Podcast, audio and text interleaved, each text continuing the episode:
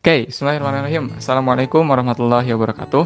Halo teman-teman semua, kita insya Allah akan berbincang-bincang di salah satu konten terbaru KRM Fikir yaitu KRM Fikir Podcast gitu ya. Tapi kalau di sini kita ambil satu uh, judul khusus yaitu NKCTA. Nanti kita cerita tentang Alfikir.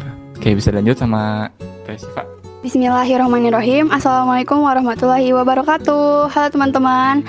Jadi Selamat datang ya di podcast pertama dengan judul yang tadi udah Baim kasih tahu NKCTA. Nanti kita cerita tentang Alfikar.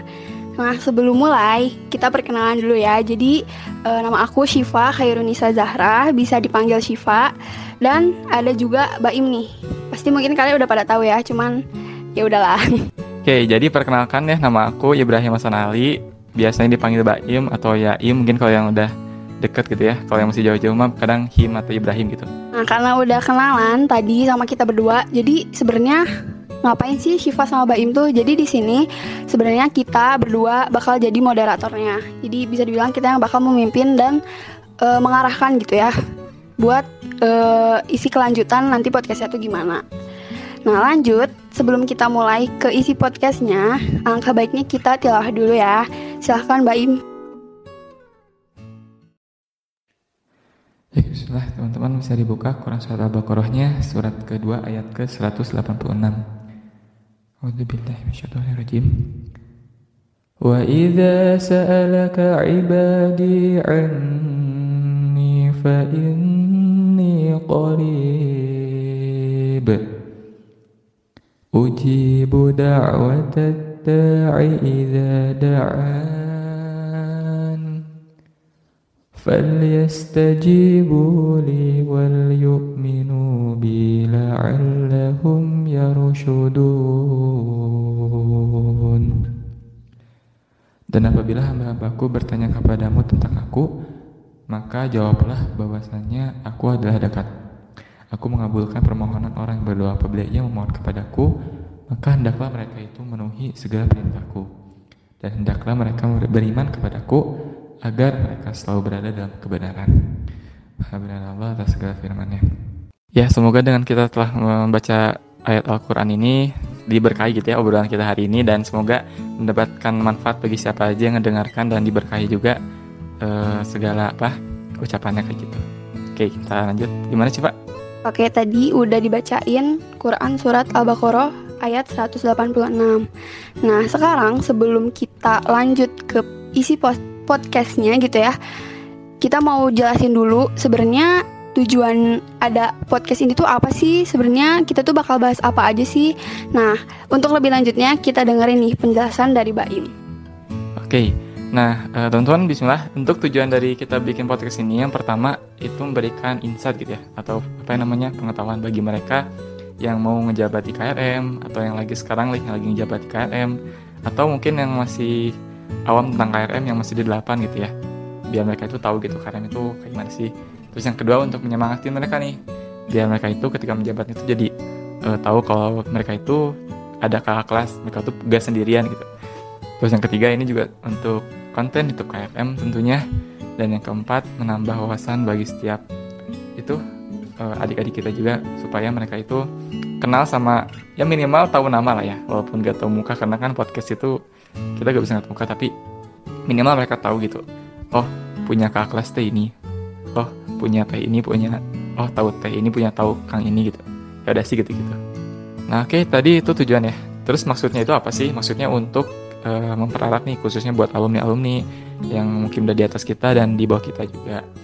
Dan semoga dengan memperatnya silaturahmi ini kita juga bisa jadi tetap gitu ya ngebantu teman-teman yang masih di KRM dan bisa apa uh, menginspirasi mereka dan juga bisa tadi gitu ya membuat pengetahuan mereka yang lebih baru gitu tentang KFM kayak gitu. Oke, tadi udah dijelasin maksud dan tujuan kenapa podcast itu diadakan. Nah, udah keren banget kan tuh maksud dan tujuannya. Nah, kayaknya bakal lebih keren lagi kalau misalnya kita ngobrolnya rame-rame gitu ya, gak berdua doang. Jadi, di sini udah ada teman-teman dari angkatan 2019 dan 2020. Akan buat teman-teman boleh perkenalkan dari angkatan berapa dan namanya siapa, oke? Okay? Assalamualaikum warahmatullahi wabarakatuh. Perkenalkan, aku Rizky Aliza dari angkatan 19. Hai, Assalamualaikum warahmatullahi wabarakatuh. Perkenalkan, nama aku Nabila Firiski Azmi. Bisa dipanggilnya Nabila. Uh, Aku dari angkatan 2019 Oke, bismillahirrahmanirrahim. Assalamualaikum warahmatullahi wabarakatuh. Perkenalkan nama saya Feriza, bisa dipanggil sayang? Eh, jangan-jangan Panggil aja Faiz. Uh, Saya asalnya dari rumah dan saya angkatan 2020 Oke. Okay. Bismillahirrahmanirrahim Tak kenal maka ta'aruf ya Nah, mungkin sebagian dari kalian uh, belum pernah ada yang mengenal aku, tapi sebagian lagi mungkin ada yang udah pernah kenal. Nah, aku ini di KRM ataupun di ITSAR akrab dipanggilnya Salsa. Aku sangkatan sama Bayu sama Syifa. Halo, Assalamualaikum warahmatullahi wabarakatuh. Perkenalkan, nama aku Aisyah Islami Putri, biasanya dipanggil Syah. Aku dari angkatan 2020. Salam kenal. Bismillahirrahmanirrahim. Assalamualaikum. Uh, nama aku Nadi Cikwita. Bisa dipanggil Cika atau boleh juga Nadi. Bebas aja ya gimana enaknya dan aku dari KRM Angkatan 2020. Assalamualaikum.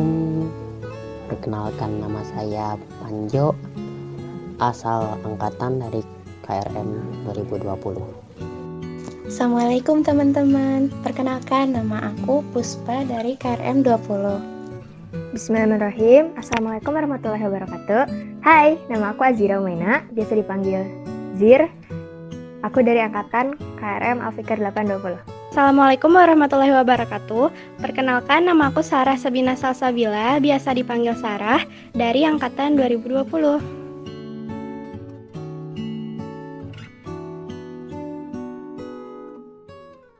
Oke, tadi udah kenalan sama teman-teman dari KRM Alfikar angkatan 2019 dan 2020 banyak banget emang kalau misalnya or, apa sih kalian yang lagi dengar gitu ya kok banyak banget emang banyak banget guys. Jadi bakal terjamin ini podcastnya bakal seru banget oke? Okay? karena kalau boleh jujur ini ada lebih dari 10 orang gitu. Jadi ya begitu. Baik uh, tanpa basa-basi lagi. Kita masuk ke pertanyaan pertama nih. Uh, buat teman-teman semua gimana sih keadaannya sekarang kondisinya? Dengan kondisi yang apa ya dibilang sedang stay at home gini lagi mungkin kemarin-kemarin sempat kita SFH juga school from home. Dan ya pasti banyak kesibukan teman-teman. Boleh gak sih diceritain sedikit atau apa nih yang bisa di share ke teman-teman yang lagi ngedengerin tentang kesibukan apa? Atau mungkin ada target-target apa nih yang lagi teman-teman sekarang tuh lagi berusaha untuk ngejarnya gitu? Nah boleh mangga. Kalau aku alhamdulillah kondisinya saat ini masih sehat. Dan sekarang sih kesibukannya mungkin lagi belajar online ya karena juga ngejar materi juga karena takut ketinggalan. Dan berhubung ini lagi bulan Ramadan sekarang kayak lebih menyibukkan diri lagi di amalan amaliyahnya juga. Dan lagi nulis juga nih buat blog tapi belum dipublis. Doain cepat dipublis ya. Oh, nanti boleh ya Teh Nabila kalau misalnya blognya udah dipublis bisa kasih tahu mungkin ya. Jadi biar teman-teman mungkin yang lagi ada di sini bareng-bareng dan teman-teman yang lagi dengar juga bisa baca blognya. Mantap. Kalau aku alhamdulillah sih dari awal pertama kali dipulangin ke rumah dari pondok gara-gara corona ini sampai sekarang alhamdulillah masih sehat-sehat aja. Soalnya nggak pernah ke rumah sama sekali sih gitu.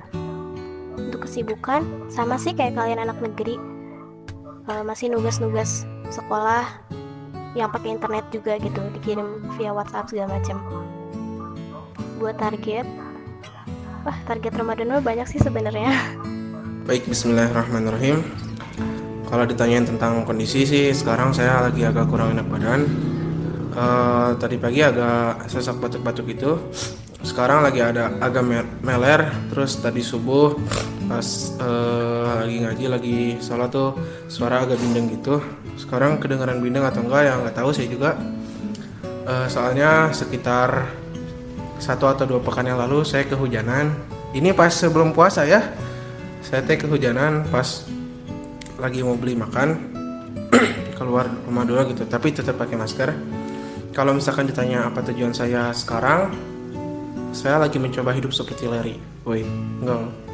Uh, tujuan sekarang, tujuan saya sekarang sih lagi mau menyelesaikan tugas-tugas karena saya lagi mengumpulkan cakra untuk bisa menyelesaikan tugasnya itu dan saya lagi mau menuntaskan amalan-amalan saya yang ditargetkan di bulan puasa ini. Oke. Okay. Ya untuk Faiz, mungkin untuk semuanya juga ya, tetap uh, jangan lupa untuk jaga kesehatan, jangan lupa untuk sabar gitu ya kalau misalnya sedang mendapati yang namanya penyakit gitu ya, sama pasti ada hikmahnya lah gitu ya. Nah terus juga tadi Faiz mau gimana? Mau jadi layari itu? Ya udah nggak apa kita mengumpulkan cakra untuk giat dalam beribadah ya tentunya. Oke, okay. itu sih kita harus apa namanya tadi? Jaga kesehatan, kalau lagi sekarang lagi nggak enak badan uh, jaga pola makan. Dan jangan lupa makan dan dan lupa apa? Itu buka puasa dengan yang sehat-sehat dan enak pokoknya Ubu, makasih Kang.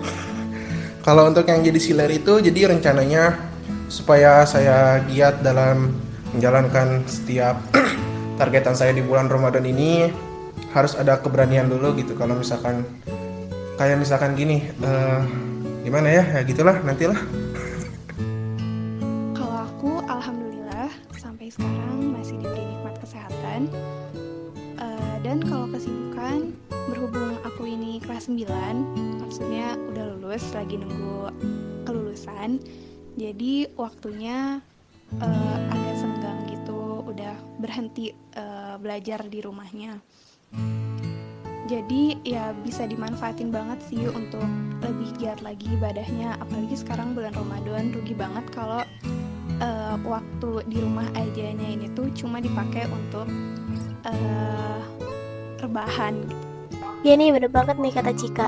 Sebenarnya di masa stay at home ini tuh justru kita tuh lebih banyak waktu senggang sebenarnya kalau kita sadar ya. Nah sebenarnya itu bisa banget dipakai dimanfaatin sama kita untuk tetap produktif. Semisal kita kayak ngasah skill gitu itu bisa banget. Dan bener-bener waktunya sangat-sangat luas. Iya bener banget. Uh, kita emang harus apa ya jago-jago pinter-pinter manfaatin waktu di kondisi yang lagi kayak sekarang gini. Jangan sampai kita kebablasan santai-santai terus gitu. Apalagi kan uh, situasi darurat corona saat ini tuh kayak apa ya belum belum bisa dipastikan kapan berhentinya gitu. Jadi jangan sampai kita tuh udahlah nanti lagi aja libur masih lama gitu-gitu. Jangan sampai kalau keadaan alhamdulillah aku sehat sampai saat ini dan kesibukan ya benar PJJ kan emang harus ngejar pelajaran juga dan karena lagi berhubung bulan puasa kayak ya pok, uh, bisa ningkatin diri jadi yang lebih baik. Terus kayak uh, apa sih kayak ngerjain hobi-hobi aku gitu loh kayak misal baca buku dan lain-lain. Kalau Puspa, Alhamdulillah kondisinya masih sehat sampai sekarang, masih dikasih waktu sama Allah untuk menjadi orang yang lebih baik. Kesibukannya sekarang sih karena tugas juga nggak ada ya tinggal nunggu kelulusan. Paling akhir-akhir ini e, mencari hobi baru bareng keluarga juga jadi bisa lebih harmonis keluarganya. Terus e, maksimalkan amalan Ramadan juga kali ya Kalau Azira, Alhamdulillah keadaan saya sejauh ini sehat dan baik-baik aja Kesibukannya hampir sama kayak Teh Nabila, berusaha ngejar materi yang ketinggalan via daring, walaupun udah nggak UN gitu, biar nanti pas SMA tuh nggak terlalu kaget sama materinya. Sama aku juga lagi ngerjain project gitu bareng temen, project kayak ngegambar atau buat cerita gitu-gitulah pokoknya. Boleh tuh Jir bagi-bagi ilmunya nanti. Siap Syah nanti ya insya Allah kalau ada waktu. Helium, helium, helium, helium, helium. Waduh, mantep tuh bikin proyek apa itu teh? Yang aku udah belum. Alhamdulillah baik. Ya walaupun kadang bosan juga gitu di rumah aja. Tapi mencoba untuk menyibukkan diri. E, misalnya kayak memperbanyak amalan ibadahnya, e, memanfaatkan waktu bareng sama keluarga, apalagi dengan kondisi yang sekarang yang harus di rumah aja. Terus meningkatkan hobi biar makin mantap. Hehe. Hmm, alhamdulillah sih tadi pas udah lihat target-target Ramadan kalian itu sudah mantep-mantep ya. Apalagi yang tadi Teh Nabila bilang gitu, mau bikin apa blog itu sangat mantap. Kalau saya sendiri sih dari segi kesehatan ya alhamdulillah uh, sehat-sehat aja gitu. Meskipun agak sedikit pilek. Ya mungkin karena jarang keluar rumah. Jarang banget makan gak pernah sama sekali gitu. Kalau untuk kesibukan ya mungkin karena ini apa sih bulan Ramadan gitu. Jadi lebih memperbanyak amalan yaumiyah juga gitu. Memperbanyak apa sih amalan-amalan apa mengumpulkan sebanyak-banyaknya amalan-amalan apa yang harus dikerjakan di bulan Ramadan ini. Hmm, kalau untuk target. Oh iya satu lagi. Kalau untuk PJJ daring yang tadi Faiz bilang gitu mau ngumpulin cakra sepenuh-penuhnya buat ngerjain gitu. Ya saya juga sepertinya tidak. Ya karena walaupun tugasnya sama gitu tapi kan karena udah lulus insya Allah. Jadi bebannya juga diringankan dan bahkan udah nggak ada ditambah tugas lagi gitu. Jadi tinggal menyelesaikan tugas-tugas yang sebelumnya. Dan insya Allah bisa lah dikerjain kalau untuk target Ramadan ini ya mumpung stay at home gitu ya mumpung di rumah ini kita insya Allah apa pun rencana yang kita bikin insya Allah terlaksana kemungkinan terlaksananya lebih besar karena kegiatannya nggak terlalu banyak dan acara dadakan itu kemungkinan lebih kecil terjadi gitu. Jadi insya Allah misalnya kayak ngehatamin Qurannya kemarin-kemarin pengennya segini pengen hatam berapa juz atau gimana gitu.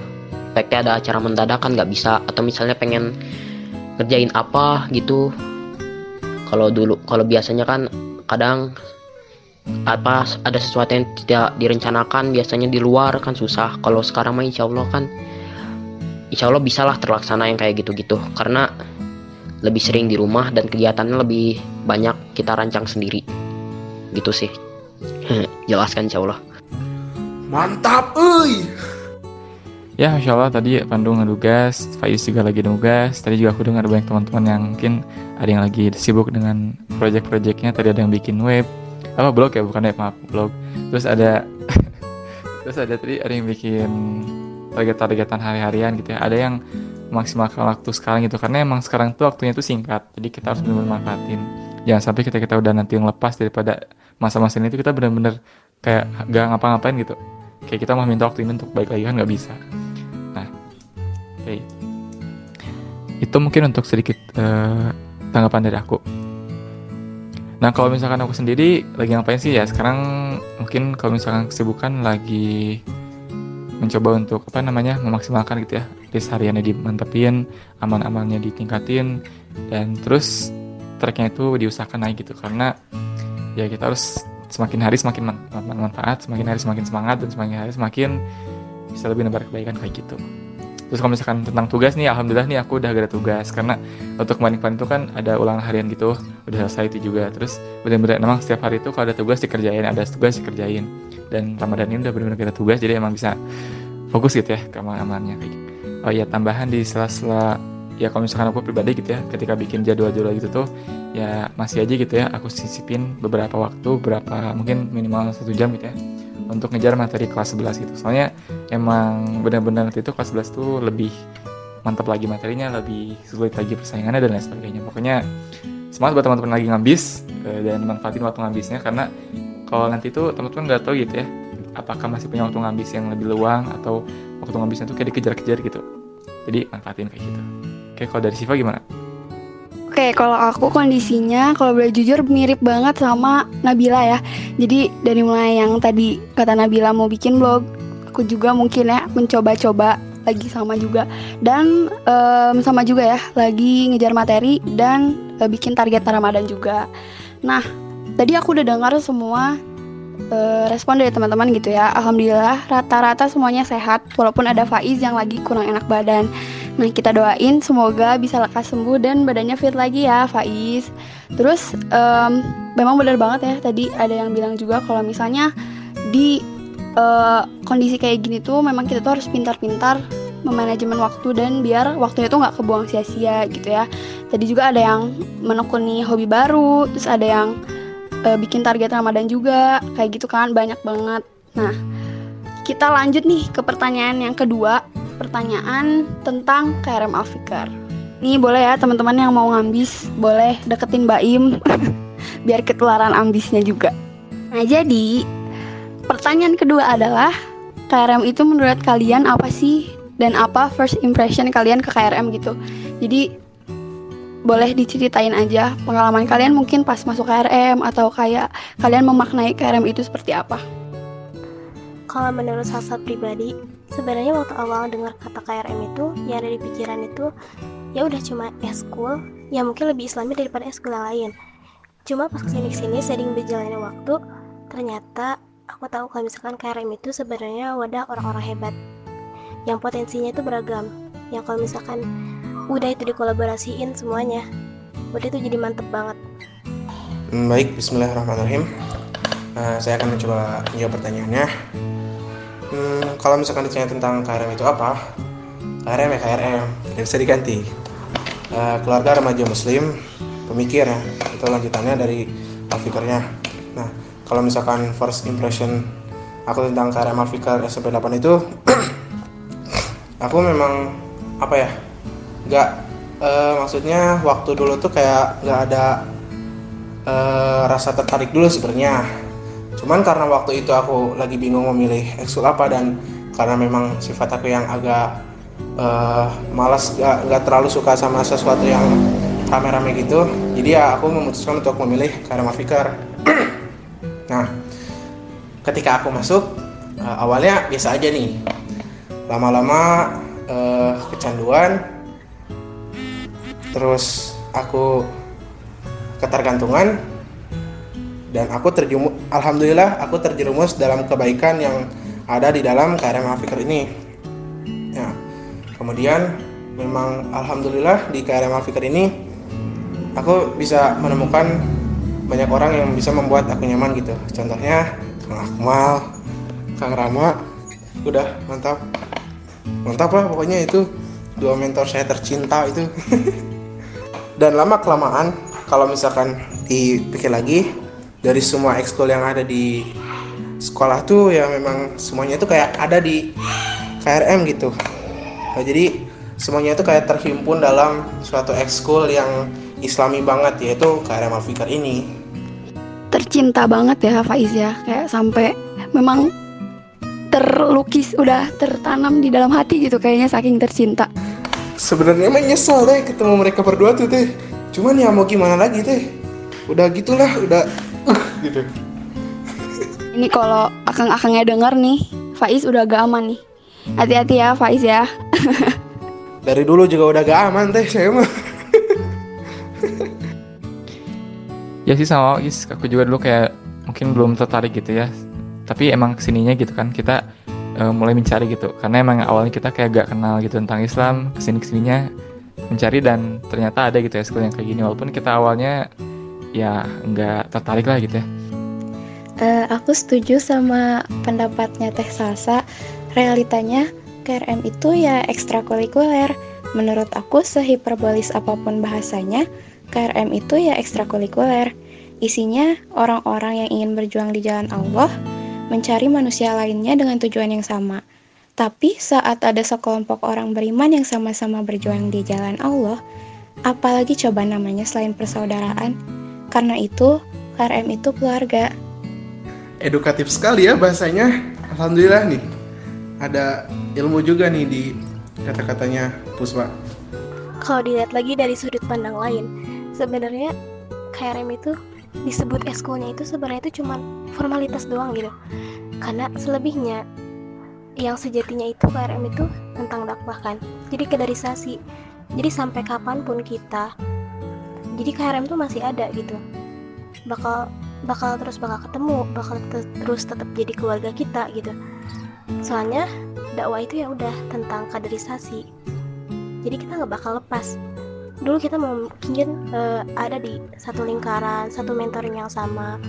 Dan setelah kita eh, lulus dari KRM kita semuanya nyebar sesuai pilihan masing-masing sesuai jalan hidup yang diambil oleh masing-masing.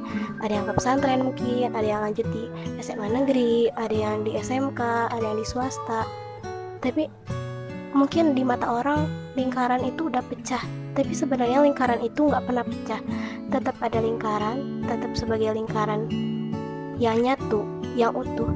Hanya saja melebar dan jadi uh, tetap menjalankan misinya di jalannya masing-masing gitu. Ya sih bener banget. Dari pas sebelum masuk KRM tuh liatnya kayak oh cuma eskul yang emang isinya tuh anak-anak alim doang. Tapi ternyata pas udah masuk kayak wow wow banget gitu. Kayak dapet zona nyaman dan kelihatan sederhana tapi bermakna. Asik. Ya sesuai yang dibilang tadi gitu karena namanya KRM itu ya ya KRM gitu bagaimanapun juga ya tetap aja keluarga remaja masjid singkatannya gitu hmm. dan untuk first impression gitu atau misalnya pertama dulu awal masuk KRM gitu ya kebetulan ya sama seperti Faiz atau mungkin bahkan semua orang kadang menjadikan eskul KRM itu sebagai eskul pelarian yang terkadang menjadi mungkin ya pilihan terakhir gitu sama dulu juga aku mikirnya ini pilihan terakhir karena aku nggak tahu mau masuk eskul apa dan nggak tahu mau ngapa-ngapain lagi nggak punya apa ya ya nggak misalnya dari semua eskul yang lain itu aku pada nggak punya keistimewaan khusus gitu nggak punya ketertarikan lah intinya mah. Jadi weh aku masuk KRM gitu. Ya sebenarnya dulu ya waktu kelas 3 awalnya sih biar nggak biar apa ya biar ada eskul aja gitu biar di rapot ada ekstrakurikuler. Bukan pengen ngapain-ngapain enggak sih.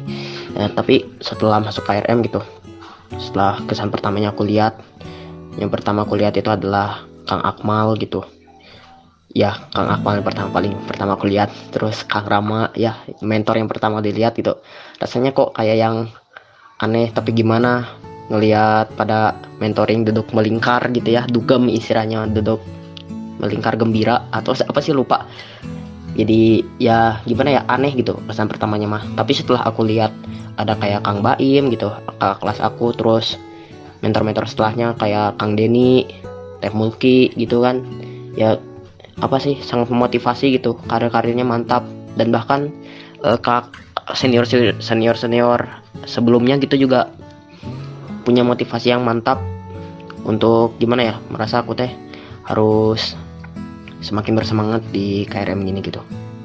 Ya gitulah mau nambahin lagi ya yang dari Faiz juga tadi bilang katanya tuh KRM itu emang eskulnya dari segala eskul gitu. Jadi segala eskul yang ada di yang lain gitu selain KRM kebanyakan juga ada di KRM nah emang sih jadi ya itu juga salah satu yang membuat aku tertarik sama KRM itu.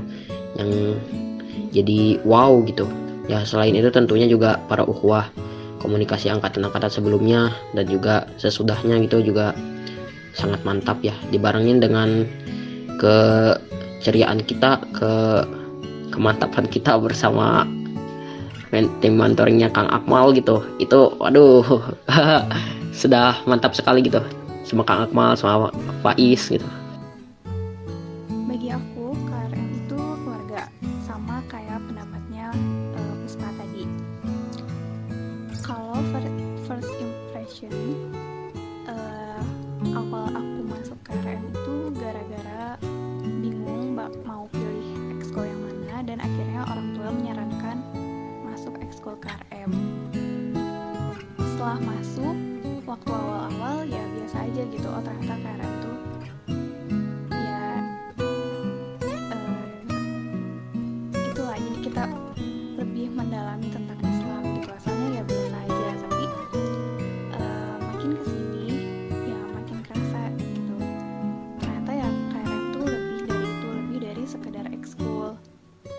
juga bagi aku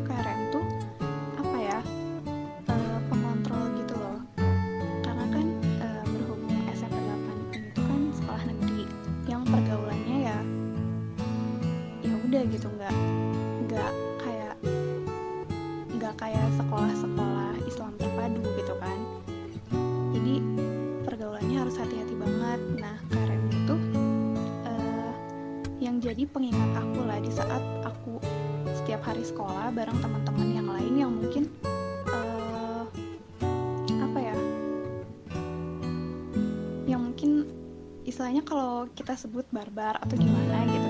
Tapi di saat kita jadwalnya ekskul di saat kita jadwalnya mentoring di situlah kita kayak diingetin lagi. Jadi nggak nggak bakal sampai keluar jalur gitu.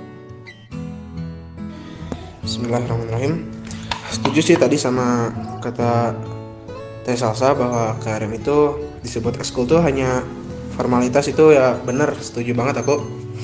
Tapi kalau misalkan kita telah lebih dalam lagi KRM tuh ya memang uh, kayak salah satunya ladang dakwah juga wadah wadah untuk berdakwah gitu. Kalau misalkan uh, aku pikir lagi nih dari SD gitu aku kalau mau berdakwah itu agak susah dan sekarang masuk SMP alhamdulillah ketemu karang fikir gitu. Jadi mempermudah aku untuk berdakwah gitu. Dan insya Allah ke depannya juga KRM itu bakal menjadi wadah dulu gitu untuk um, bagaimana mengeksplor dakwah yang lebih mendalam lagi gitu misalkan ya jadi bisa dibilang uh, KRM Fikir itu kayak permulaannya gitu permulaan dari journey berdakwahnya seseorang di SMP 8 gitulah. Bisa dibilang gitu sih kalau menurut aku. Apakah ada yang menanggapi gitu apakah ada yang setuju atau yang kontra dengan pendapat aku gitu kalau menurut aku KRM itu keluarga yang saling memotivasi dan mengingatkan satu sama lain dalam kebaikan dan juga keluarga yang saling berjuang bersama untuk menggapai ridho Allah. Terus first impression aku ke KRM itu mirip sama Tessa Sabila. Kayak ngerasa KRM itu ya udah lebih islami dari ekskul yang lain. Ngerasa bakal ya udah sih hafalan, ngaji gitu aja. Tapi ternyata enggak. Ternyata mentoringnya itu enjoy banget. Acaranya unik-unik dan asik banget. Terus bagi aku uh, eh, KRM itu isinya orang-orang hebat yang tiap kalau ketemu tuh kayak jadi motivator buat aku. Jadi aku setuju banget ya sama tadi kata Salsa, kata Nabila, kata Faiz dan teman-teman yang lain. Memang juga kalau boleh cerita gitu ya, aku juga dulu uh, karena memang anaknya mageran dan gak mau eskol yang aneh-aneh, jadi aku milih untuk eskol KRM gitu. Jadi sebenarnya ini gak sengaja banget, jadi kayak asal gitu ya istilahnya malah jadinya. Dan sempat juga uh, kalau kalian mau tahu, sebenarnya aku itu dulu waktu kelas 7 awal-awal itu beneran uh, males banget mau mentoring. Gak tau kenapa karena mungkin belum ada kerasa itunya ya. Tapi makin ke sini makin karena waktu itu kelas 7 tuh ada desas desus ada mcam gitu ya. Karena memang aku tuh anaknya suka banget apa ya uh, lari-lari gitu kayak camping. Itu kayaknya seru banget gitu. Jadi semenjak itu aku jadi semangat buat uh, KRM gitu. Nah ternyata awalnya niat aku hanya ingin MKM aja ternyata berubah. Karena udah ketemu sama orang-orang yang hebat banget dan jadi sama kayak tadi Aisyah bilang gitu ya jadi termotivasi juga gitu. Jadi tambah semangat lagi dan um, jadi betah gitu jadi malah kecanduan bener kata Faiz juga. Nah aku mau denger nih Baim gimana? Oke, kalau misalkan aku sendiri gitu ya, sebenarnya satu hal yang sebenarnya aku sendiri masih terkadang suka berpikir waktu kelas 8 tuh kayak enggak eh, yang kelas 9 deh. Karena suka mikir kayak ya Allah kenapa ya aku udah ada di tempat lingkaran orang-orang kayak gini gitu? Padahal kalau misalkan aku mikir gitu ya, ketika aku kelas 7 kelas 8 awal gitu ya aku tuh sebenarnya nggak tertarik gitu sama Karim tuh dulu aku jujur sekolah aku tuh basket ya dan uh, alhamdulillah dianugerahi uh, keahlian juga. Jadi waktu kelas 7 itu aku tuh sendiri loh yang paling maksudnya pernah ada satu lomba waktu kelas 7 itu dan kelas 7 nya seterusnya kelas 7 itu yang ikutan lomba itu tuh ya aku doang gitu yang basket tuh. Ya alhamdulillah juga. Terus tapi pelan-pelan ada yang aku lihat di basket tuh nggak ketemu apa yang namanya kemaslahatan ya kalau kita dalam artian bahasanya gitu. Jadi kayak gak ada sesuatu yang mungkin dalam artian bermanfaat buat aku yang oke okay lah di sisi aku makin jago makin jago. Tapi ada banyak hal-hal yang gak sesuai dengan syariat kayak gitu yang aku lihat. Sehingga waktu suatu saat aku tuh kayak mengalihkan pandangan aku ke atas ke masjid. Terus ngeliat kayak orang-orang di situ kayak yang ya walaupun mungkin ya aku masih pandang saat itu adalah hal yang mungkin gak jelas kayak mereka tuh ngapain sih dan sebagainya. Tapi ada suatu kondisi di mana aku ya udah mulai mau ninggalin aja basket gitu. Kayak udah berhenti kayaknya udah gak cocok buat aku dan udah gitu untuk ke depannya kayaknya gak bakal bisa lanjut lagi. Dan sampai pada akhirnya aku masuk KRM dan dengan tanda kutip gara-gara aku punya school dan benar-benar cuma mengisi kegiatan doang dari Sabtu itu. Terus singkat ceritanya alhamdulillah banget itu ya. E, gak tau kenapa mungkin emang udah kode Allah rencana Allah gitu. Ketika masuk KRM tuh sudah pada timing yang tepat di mana saat itu udah benar-benar kondisinya kelas 8 yang ngejabat yang mau ngejabat tuh kayak mungkin sedikit mengurang. Dan mungkin emang awalnya aku datang tuh masih banyak orang gitu terus ke sininya ada MCAM nih. Nah MCAM juga ternyata alhamdulillah itu uh, apa namanya alhamdulillah banget itu ya. Suatu bentuk yang benar-benar nyemangatin aku di KRM tuh ya MCAM itu MCAM 2017 itu. Ketika pertama ikut MKM dan pertama kali melihat nih ternyata aku tuh nggak sendiri loh. Ketika aku masuk KRM tuh nggak sendiri. Justru ketidaksendirian itu tuh diisi ketika kita ketemu sama orang-orang lain di LDS lain. Ketika dia ada di Rohani 554 ketemu sama Dava ketemu sama Ajis di Kalamus 13 ketemu sama wah banyak lah pokoknya sama akang-akangnya juga gitu ya di Itzar dan semakin sini semakin sini aku mulai merasa kayak di KRM tuh bukan sebes, bukan hanya sebatas eskul, bukan hanya sebatas aktivitas dari Sabtu, tapi suatu yang bisa kita lakukan untuk sebagai apa ya bukti bahwa kita itu berada di pihaknya Allah gitu.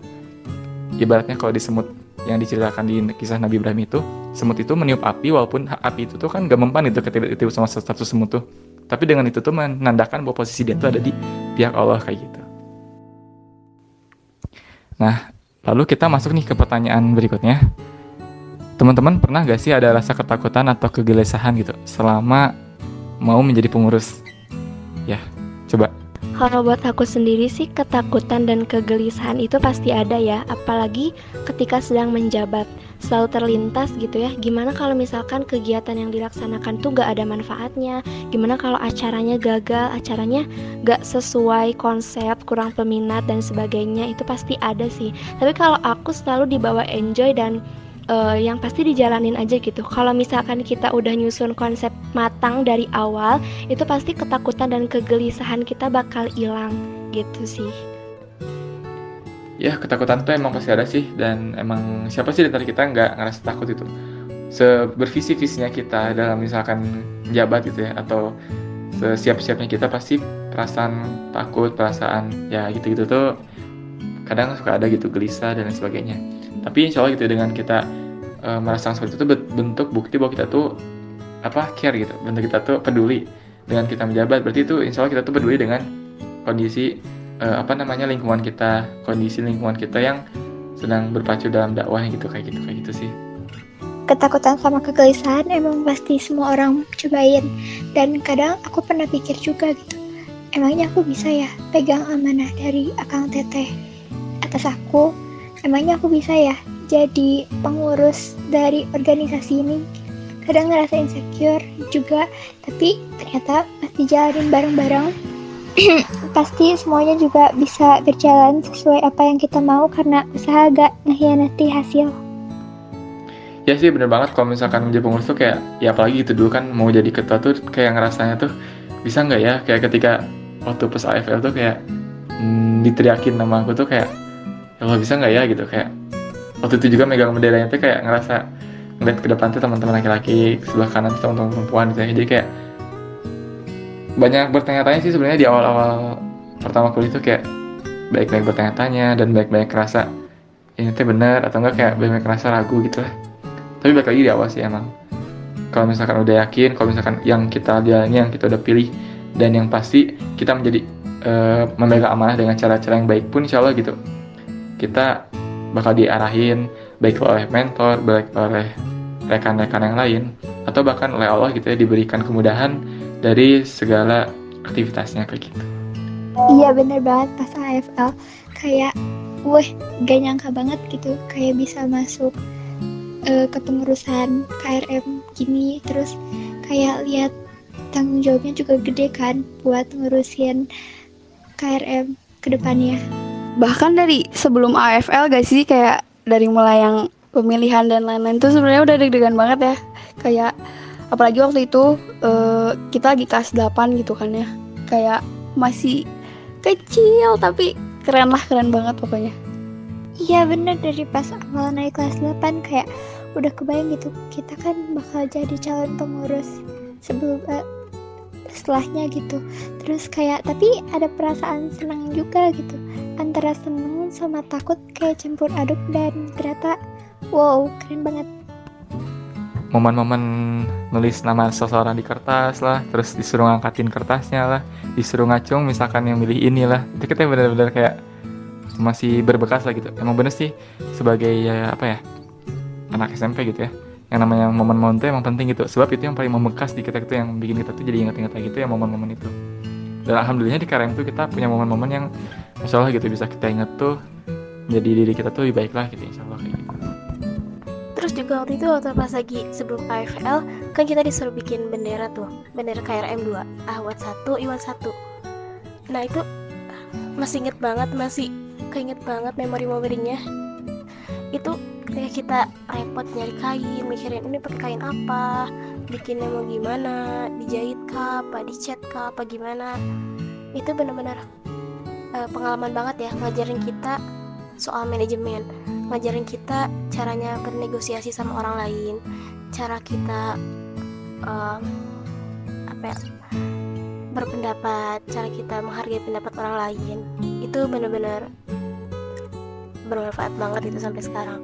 Dan emang pengalaman-pengalaman itu perlu dan cara kita bersosial dengan orang lain itu memang perlu dilatih.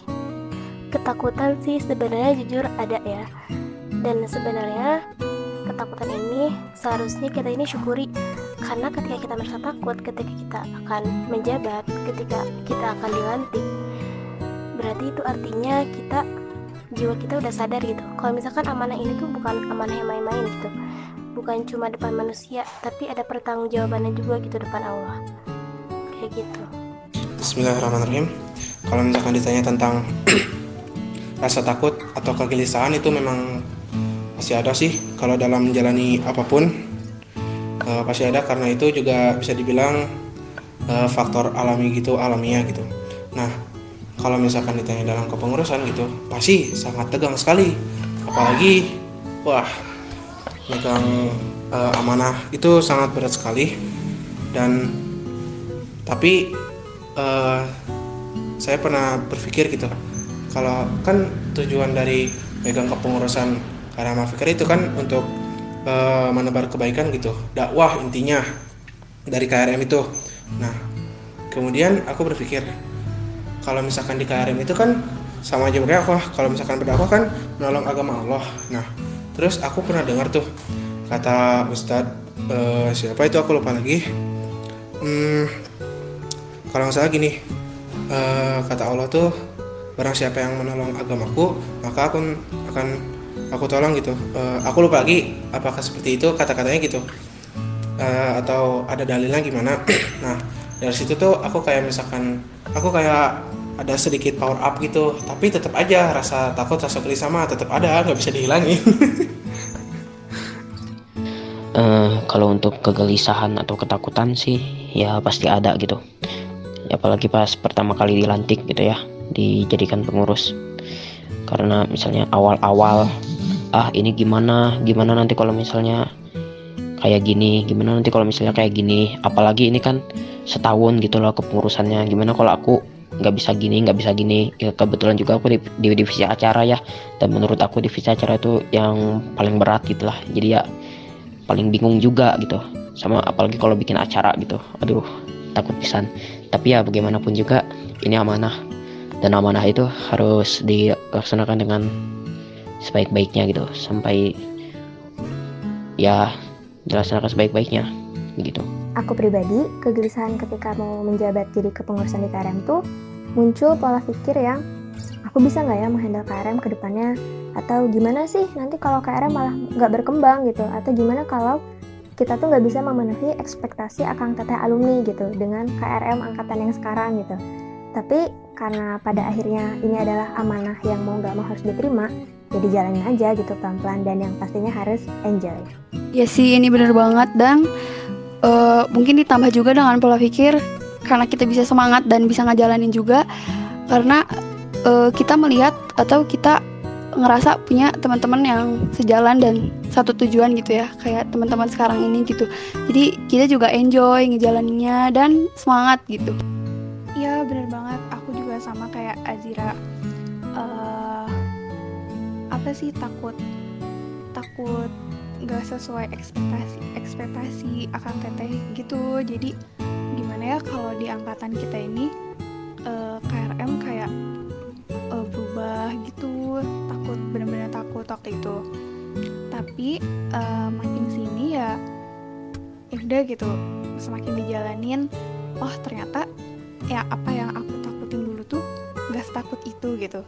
Dan apa ya kalau kita takut pun takutnya nggak sendiri gitu. Uh, takut barengan. Dan kalau takut barengan kan dihadapinnya pun barengan gitu. Jadi ya sama sih enjoy. Ya ini benar nih tentang enjoy gitu ya. Karena kalau misalkan mau gak mau emang yang namanya apa ya pengurusan tuh walaupun itu memang satu hal yang kita tuh harus anggap adalah amanah yang penting gitu ya. Tapi emang setiap tahun pasti ada regenerasinya karena emang dakwah itu tentang regenerasi.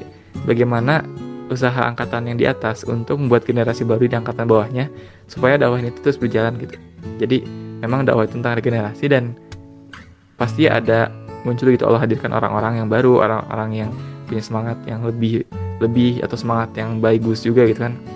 Dan emang uh, kita sebagai yang mungkin ke depannya akan menjadi alumni gitu ya kita mungkin melihat anak-anak atau nanti yang di KRM sekarang itu mungkin mereka akan punya ciri khas ciri khas yang baru dan lain sebagainya. Karena memang setiap generasi punya hal-hal yang mungkin menciri khaskannya gitu.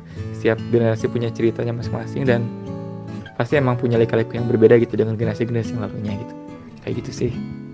Kalau dari aku rasa ketakutan atau kegelisahan selama jadi pengurus itu ada. Apalagi pas jadi pengurus KRM itu pertama kalinya terus pertama kali ikutan berorganisasi. Dan pas awal-awal jadi pengurus uh, aku overthinking. Kayak jadi serba takut ini benar apa salah gaya? Duh kalau salah gimana? Harus ngapain? gitu. Tapi pas nyoba buat jalanin aja terus sama teman-teman dan juga dibantu sama akang tetehnya alhasil uhuahnya tuh kerasa banget. Walaupun pasti pernah dan pasti ada ya gagal tapi dengan kegagalan itu malah bisa dijadikan pembelajaran buat lebih baik ke berikutnya. Uh, bener banget sih yang diomongin sama yang lain. Pasti pernah merasa takut apalagi kalau waktu menjelang acara uh udah panas dingin aja. Takut gak bisa mempertanggungjawabkan takut gak bisa membangkitkan semangat teman-teman takut gak bisa merangkul teman-teman yang udah off. Yang paling sering sih takut kalau usaha yang dilakukan belum maksimal. Oh ada satu lagi takut sama eval penting sih itu. Dulu dulu banget takut sih kalau setiap udah hayu eval kayak mau diapain gitu. Tapi ke sini ke sini semakin tahu kalau emang kita tuh butuh eval untuk jadi lebih baik. Jadi intinya sih biasain aja sama semuanya pasti kalau udah biasa enjoy aja. Iya ini tuh bener banget uh, biasanya kita pengurus-pengurus gitu kalau misalnya lagi mau ngadain acara atau kayak lagi prosesnya terus tiba-tiba hamin satu atau hamin uh, beberapa menit misalnya itu kayak deg-degan banget. Gimana ya kalau nanti rencana yang udah kita buat tuh uh, tiba-tiba gagal gitu? Gimana kalau pas acaranya mulai ininya nggak hadir atau apanya? Gimana gimana? Itu benar-benar takut deg-degan. Tapi itu wajar sih emang emang pasti gitu emang pasti kalau takut tuh. Terus juga eval itu uh, apa ya emang banyak ditakutin emang uh, ibaratnya kita tuh udah ngelewatin ketakutan pertama kayak baru aja menghirup nafas segar terus tiba-tiba kita tuh harus dihadapin lagi sama eval gitu. Awal-awal emang apa ya serem lah gitu ngedengar kata-kata eval apalagi untuk yang udah pernah ikut MCAM gitu tapi ke sini ke sini emang bener sih kata Puspa emang kita tuh sebenarnya butuh eval gitu karena biar kita tuh tahu uh, apa kekurangan dari acara kita atau apa kekurangan dari kepengurusan kita jadi ke depannya kita bisa ngebenerin kesalahan-kesalahan itu dan jadi lebih baik lagi. Oke baik teman-teman, alhamdulillah tadi kita udah mendengar ya banyak banget jawaban-jawaban yang masya Allah gitu ya. Karena emang aku simpulin dulu dikit, kita kalau misalkan mau jadi pengurus gitu ya, yang namanya stok itu udah satu kewajiban bagi setiap manusia gitu. Bahkan ketika manusia ingin menjalani hari pun, seharusnya manusia normal itu mereka dia takut itu akan hari yang akan terjadi. Apakah dia takut akan hari itu ada hal yang dia bakal buat jadi aman yang baik atau dia bakal nyanyiin hari ini. Dan sekali lagi yang namanya takut itu perlu teman-teman emang sadarin dan dengan rasa sadar itu tuh uh, sepatutnya untuk menjadikan kita memaksimalkan apa apa yang Allah kasih dan apa apa yang Allah takdirin untuk kita uh, dalam artian ini adalah konteksnya itu adalah amanah kayak gitu. Nah teman-teman karena waktu sekarang udah mungkin mendekat ke waktu asal gitu ya uh, ada sekitaran 10 menit atau 5 menitan lagi. Jadi kita jeda dulu. Dan mungkin teman-teman kalau misalnya ada yang ngerasa pusing atau gimana karena jujur aku ngerasa agak sedikit bukan pusing ya kayak penat bukan penat kayak mungkin gak agak agak lama gitu ya di depan monitor bisa kita istirahat dulu di jeda nanti kita insya Allah lanjut setelah asar dengan tiga pertanyaan berikutnya. Oke, insya Allah barakallahu. Uh, sekian dari aku. Wassalamualaikum warahmatullahi wabarakatuh.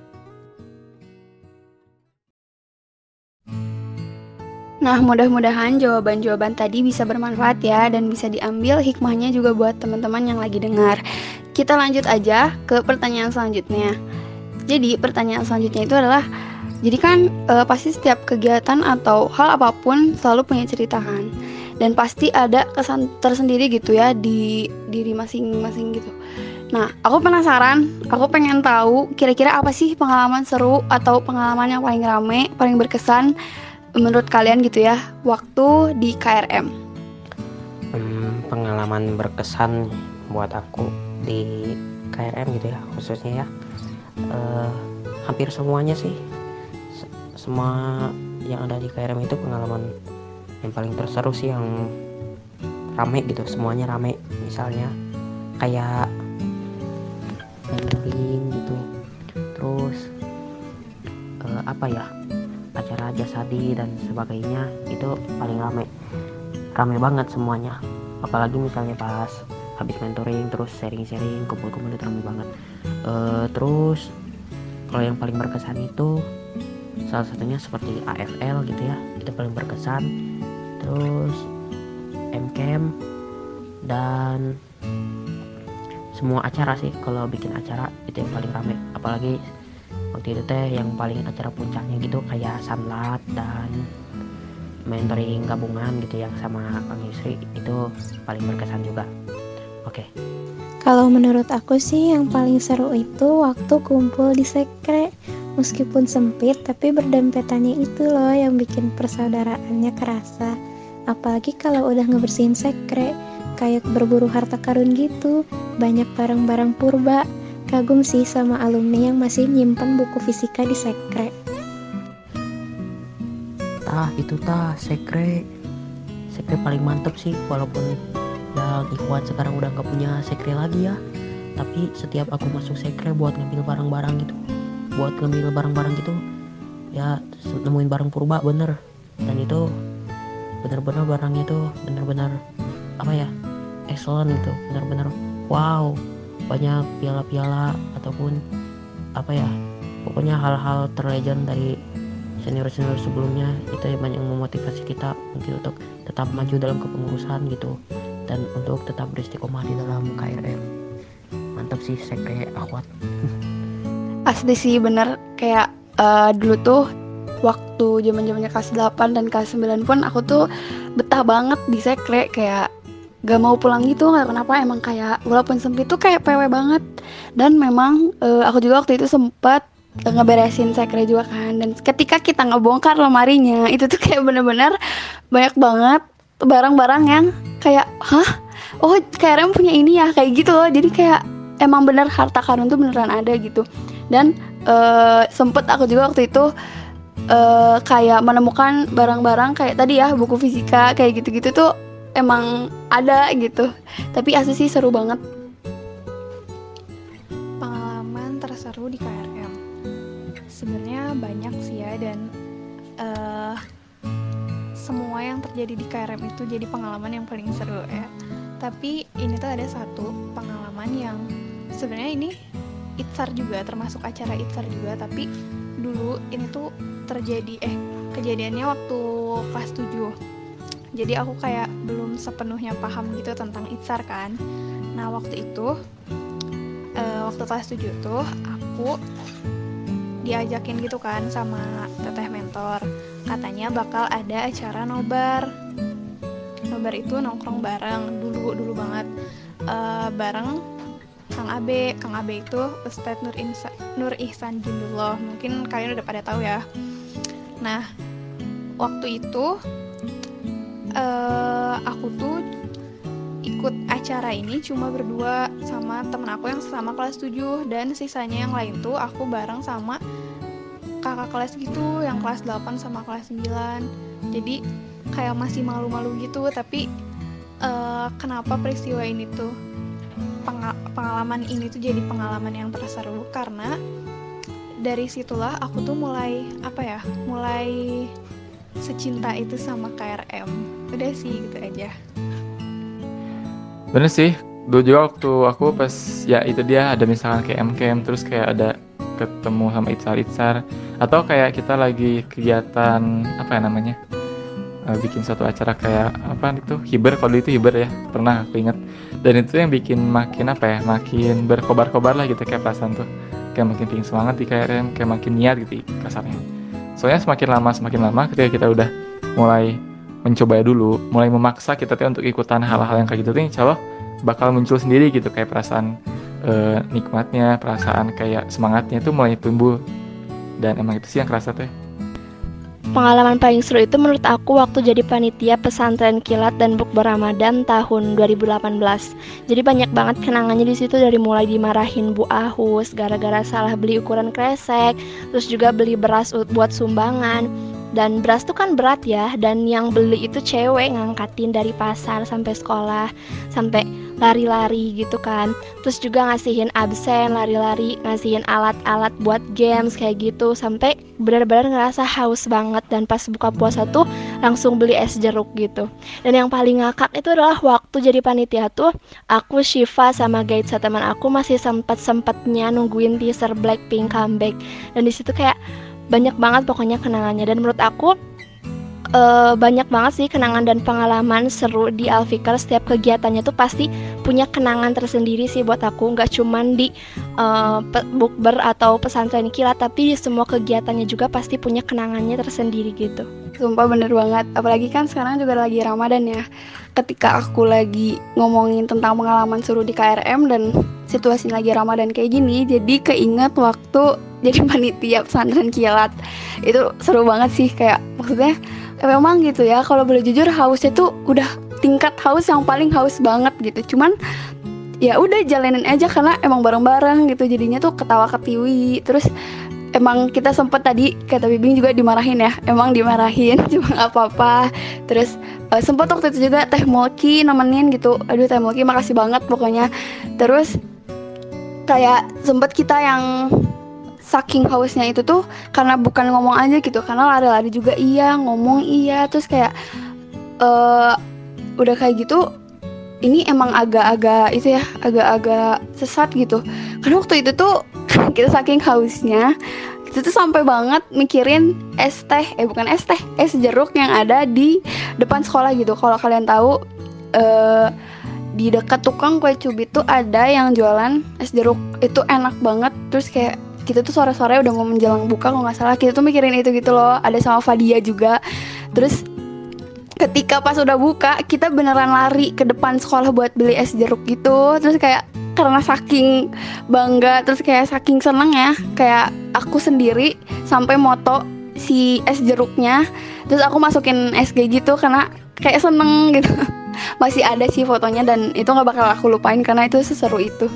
Ya sih tentang pesantren kilat gitu ya.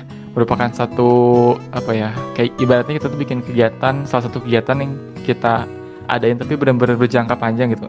Bukan dalam artian berjangka panjang itu ya durasinya panjang. Jadi eh, emang gak cuma sehari tapi satu minggu bahkan kalau nggak salah. Jadi kayak benar-benar mengontrol satu minggu. Tapi ya, alhamdulillah gitu ya. Di sisi lain aku juga pernah gitu maksudnya ya sebagai osis jadi kayak nggak jadi ya maksudnya kebayang juga gitu harus ngapa-ngapainnya. Dan emang sih waktu pesantren itu kan 2018 tuh emang laki-laki itu di minggu atau nggak di hari-hari setelah yang perempuan itu ya. Jadi emang aku tuh sengaja datang sama laki-laki yang lain tuh biar ngeliat dulu nih e, nanti kira-kira gimana ya kalau misalkan yang bagian laki-laki biar ada bayangan gitu. Jadi makanya datang gitu. Dan ternyata anda itu benar-benar banyak perempuannya dan ya udah kita tuh diam di masjid. Ada yang tiduran, ada yang apa, ada yang ke sekolah terus pulang lagi yang laki gitu. Aduh, ada sih. Dan emang kalau misalkan ingat pengalaman sama guru tuh kayak hmm, apa Bu Ahus, terus sama Bu Umi ya masya Allah banyak lah gitu yang bisa diingat-ingat situ oh iya benar terus yang bikin puding bareng-bareng gitu loh iya itu rame banget dan pokoknya kangen banget sama pesan tren kilat 8 baik Bismillahirrahmanirrahim. Kalau misalkan ditanya tentang pengalaman apa yang paling seru menurut aku selama ada di KRM Alfikar yaitu ketika aku dikasih kesempatan untuk bisa berkumpul bersama mentor-mentor aku sama kakak kelas aku bersama sama rekan-rekan aku. Kenapa? Karena di situlah uh, aku bersama yang lainnya bisa saling bertukar visi, bertukar pikiran, saling bercerita pengalaman ini itu sebagainya, bisa saling menasehati, bisa saling mensupport dan sebagainya. Karena ketika kesempatan itulah di mana aku mendapatkan sebuah power up gitu. Ketika aku lagi down, di situ adalah kesempatan ketika aku mendapatkan lagi uh, apa tuh namanya ability aku tuh balik lagi gitu kayak ada yang support aja gitu. PKWK pengalaman terbaik aku pas jadi pengurus di KRM bareng Shiva dan lain-lain. Pas waktu itu kan emang lagi krisis uang ya karena kita mau bikin suatu proker gitu. Nah karena kita bingung uangnya mau dari mana jadi kita ide-ide gitu ngedanus ngedanusnya tuh kayak danus ciput handshop dan lain-lain nah waktu itu ngakaknya tuh kita tuh ke apa sih ke CFD gitu di apa GBLA tapi udah ya emang apa jualan teh emang bener apa usaha teh nggak nggak semuanya berhasil baik gitu. Jadi kita teh agak gimana? gitu. Terus waktu itu lakunya cuma satu dan itu kayak udah siang banget kita tuh udah udah we pokoknya udah gak kondusif udah kayak gitu teh. Ya dan danus danus gila sih. Kalian bayangin kan kata Aliza tadi ada yang beli cuma satu orang ya nah jadi waktu kita ngedanus itu kita memang agak banyakan gitu. Pokoknya intinya uh, ada Iwan dan akhwatnya gitu kan. Nah kita tuh udah pasrah gitu loh kayak aduh nggak ada yang beli gitu kayak sia-sia gitu kan. Nah tiba-tiba ada yang beli dan yang beli itu adalah mamahnya Gaitsa gitu kayak Gaitsanya tuh lagi jualan dan ada mamahnya. Jadi sebenarnya kalau misalnya emang nggak ada mamah Gaitsa waktu itu kita nggak bakalan laku satu pun gitu. Cuman nggak apa-apa sih kayak seru juga. Terus kayak gak sampai situ aja kisahnya. Tapi setelah kita udahan nih udahan dan itu kita malah riuh sendiri gitu loh. Kayak ya biasa lah ya waktu anak SMP sotoy gitu ya. Cuman nggak apa-apa sih seru banget. Pada banget sampai bobo patung yang buat itu loh buat dipakein yang jualannya. Terus apa sih kayak tahu banget gitu dapat makna kalau cari uang dan bikin sebuah proker tuh gak gampang apalagi di bagian dananya. Terus kayak bisa makin bisa kontrol uang karena pernah pernah kayak ngedanus sampai kayak gitulah. Keren banget. Ini asli sih bener. Kayak kita tuh ke GBLA terus kayak yang belinya cuman maksudnya di kita gitu. Kita benar-benar jauh banget daripada ekspektasi kita. Dan orang-orang tuh ya walaupun ada yang menarik tapi mereka tuh nggak beli gitu. Dan yang aku lihat tuh ternyata danus kita tuh banyak lakunya itu di sekolah di guru-guru atau ada yang beli secara online gitu. Dan waktu itu tuh kita tuh di GBLA ya. Terus kita tuh pergi ke Bumi Harapan gitu. Kayak cuman apa ya naik motor ke Bumi Harapan terus uh, udah datang pasan juga udah sepi. Di kayak kita tuh ke Bumi Harapan tuh ngapain gitu. Aduh di situ kayak ngerasa kadang nih aku jujur kayak ngerasa khawatir kayak yang teman-teman waktu itu gitu teh kayak ada siapa? Ada Alija waktu itu teh. Terus ada Gaisa juga dan Nabila juga. Nabila tuh baru datang terus kita yang udah gitu pergi gitu. Kayak udahan. Tapi ya emang di situ ada satu poin yang mungkin ya bisa menjadi pelajaran juga gitu. Emang namanya entrepreneur atau ya dagang itu tuh nggak semudah itu gitu. Kenapa uh, dikatakan bahwa ya berdagang itu satu apa yang mulia gitu ya? Karena emang ada ujiannya di situ. Ujiannya itu lebih kerasa gitu kayak dari kesabarannya dari uh, keistiqomahannya gitu. Dan emang balasan daripada yang namanya entrepreneurship juga gede gitu. Kalau kita udah sukses dalam bidang itu ya insya Allah gitu kayak rezekinya itu Allah jamin dan lain sebagainya kayak gitu kayak gitu sih. Emang sih bener-bener itu kerasa banget tuh pas lagi itu tuh. Laki-laki itu cuma aku sama Nadif yang lainnya tuh gak tau ke mana gitu kan. Aduh. Di sini juga jadi kayak kita punya skill buat tahan malu bisa nawarin buat orang kayak kita ngasong-ngasongin dagangan gitu ke orang lain. Terus kayak teriak-teriak buat promosiin dagangan kita terus uh, apa ya? Ya bener banget sih kayak walaupun yang tadi kata Baim juga ke bumi harapan itu sia-sia gitu ya Tapi emang bisa banget diambil hikmahnya dan kayak karena Danus ini adalah pertama kalinya gitu ya Jadi kayak dibikin untuk belajar untuk lebih baik lagi untuk ke depannya gitu. Mantap ya tuh salah satu yang aku kagumin yang aku salut dari rohis rohis acara-acara tiap bikin acara tuh pasti ada danusnya tuh. Kita tuh nggak selalu ngandelin dana yang kita minta misalkan. Bukan minta sih kayak kita ajuin misalkan ke sekolah apa ngajuin ke alumni dana dananya tapi kita nyari sendiri. Yang hebat tuh di situ. Di situ jiwa-jiwa keberanian kita tuh diasah jiwa-jiwa pedagang kita tuh diasah gitu jiwa berbisnisnya. Karena kan Rasulullah sendiri juga pembisnis. Jadi benar-benar nilai islaminya itu dapat banget. Kan Islam itu nggak jauh dari perdagangan gak sih? Iya ya tuh benar banget tuh. Kalau menurut aku, pengalaman yang paling seru waktu di KRM itu pas mentor keputrian. Soalnya selain bisa kenalan sama adik-adik kelas, eh, bisa cerita curhat-curhat gitu. Terus pas bagian ngegamenya juga bisa bebas mau nentuin apa aja. Pokoknya rame banget, soalnya parada antusias gitu, cuman gara-gara buat dapetin coklatos. Emang bener kata Aisyah, ramai banget kalau mau keputrian. Soalnya nih ya, kadang-kadang kalau keputrian tuh suka kurang pematerinya karena sebagian besar anak KRM diculik sama Bu Dewi buat jadi mentor tajwid kelas 7-8 gitu kayak ngajarin. Terus saking ngejar-ngejarnya Bu Dewi itu sampai disebut di mikrofon gitu di audi apa sih itu namanya speaker sekolah gitu loh disebut namanya terus anak-anak RM-nya juga pada gak mau jadi pada kabur-kabur gitu sampai ngumpet-ngumpet Oh iya bener-bener bener asli. Aku juga emang ngerasain di mana kayak kadang tuh kelebihan ya. Kalau di pas zaman zamannya aku tuh masih yang kayak kelebihan gitu mentornya. Terus pas akhir-akhir gitu udah mulai berkurang gitu karena ya itu tadi udah mulai di apa sih diadain yang program yang tajwid itu kan kayak gitu. Tapi kayak seru sih kocak banget itu. Nah, eh, kalau menurut aku Maya apa yang apa yang paling mengesankan di KRM tuh banyak sebetulnya. Bahkan kalau misalkan dari bilang dari segi kegiatan dari runtutan awal sampai itu aku bisa bisa bayangin itu. Dimulai dari KRM tuh AFL tuh jelas. Bahkan sebelum AFL tuh udah ada hiber. Hiber tuh ya kegiatan yang menurut aku paling apa ya? Walaupun itu paling pertama dan tentu banyak banget kekurangan di situ. Tapi itu tuh kegiatan yang paling menurut aku tuh paling membuat semuanya itu berawal secara baik gitu. Yang merasa bikin aku tuh kayak yakin aku tadi KRM teh eh, semakin teguh gitu perasaan aku tuh. Kenapa? Karena di di Hiber tuh pertama ya dikumpulin dulu sama sosok yang mungkin secara umum aku nggak kenal gitu sama pematerinya. Tapi aku kenal pematerinya itu Kang Yusri itu ketika di MCAM 2017. Dan setelah itu tuh aku mau ngajak Kang Yusri untuk Kang mau nggak jadi pemateri Kang? Terus Kang Yusrinya mau. Terus aku juga ngajakin Dava nih jadi dari LDS lain di SMP 5 juga kebetulan mau ikut dan itu tuh emang pertama gitu pertama dan satu-satunya mungkin selama dalam aku tuh kita bikin suatu event kayak bener-bener ngundang kalis lain dan alhamdulillahnya ternyata itu memang suatu pergerakan yang benar-benar berkesan di aku gitu tentang itu hijrah bersama-sama hijrah berjamaah gitu kan ya. Oke itu skip mungkin ya.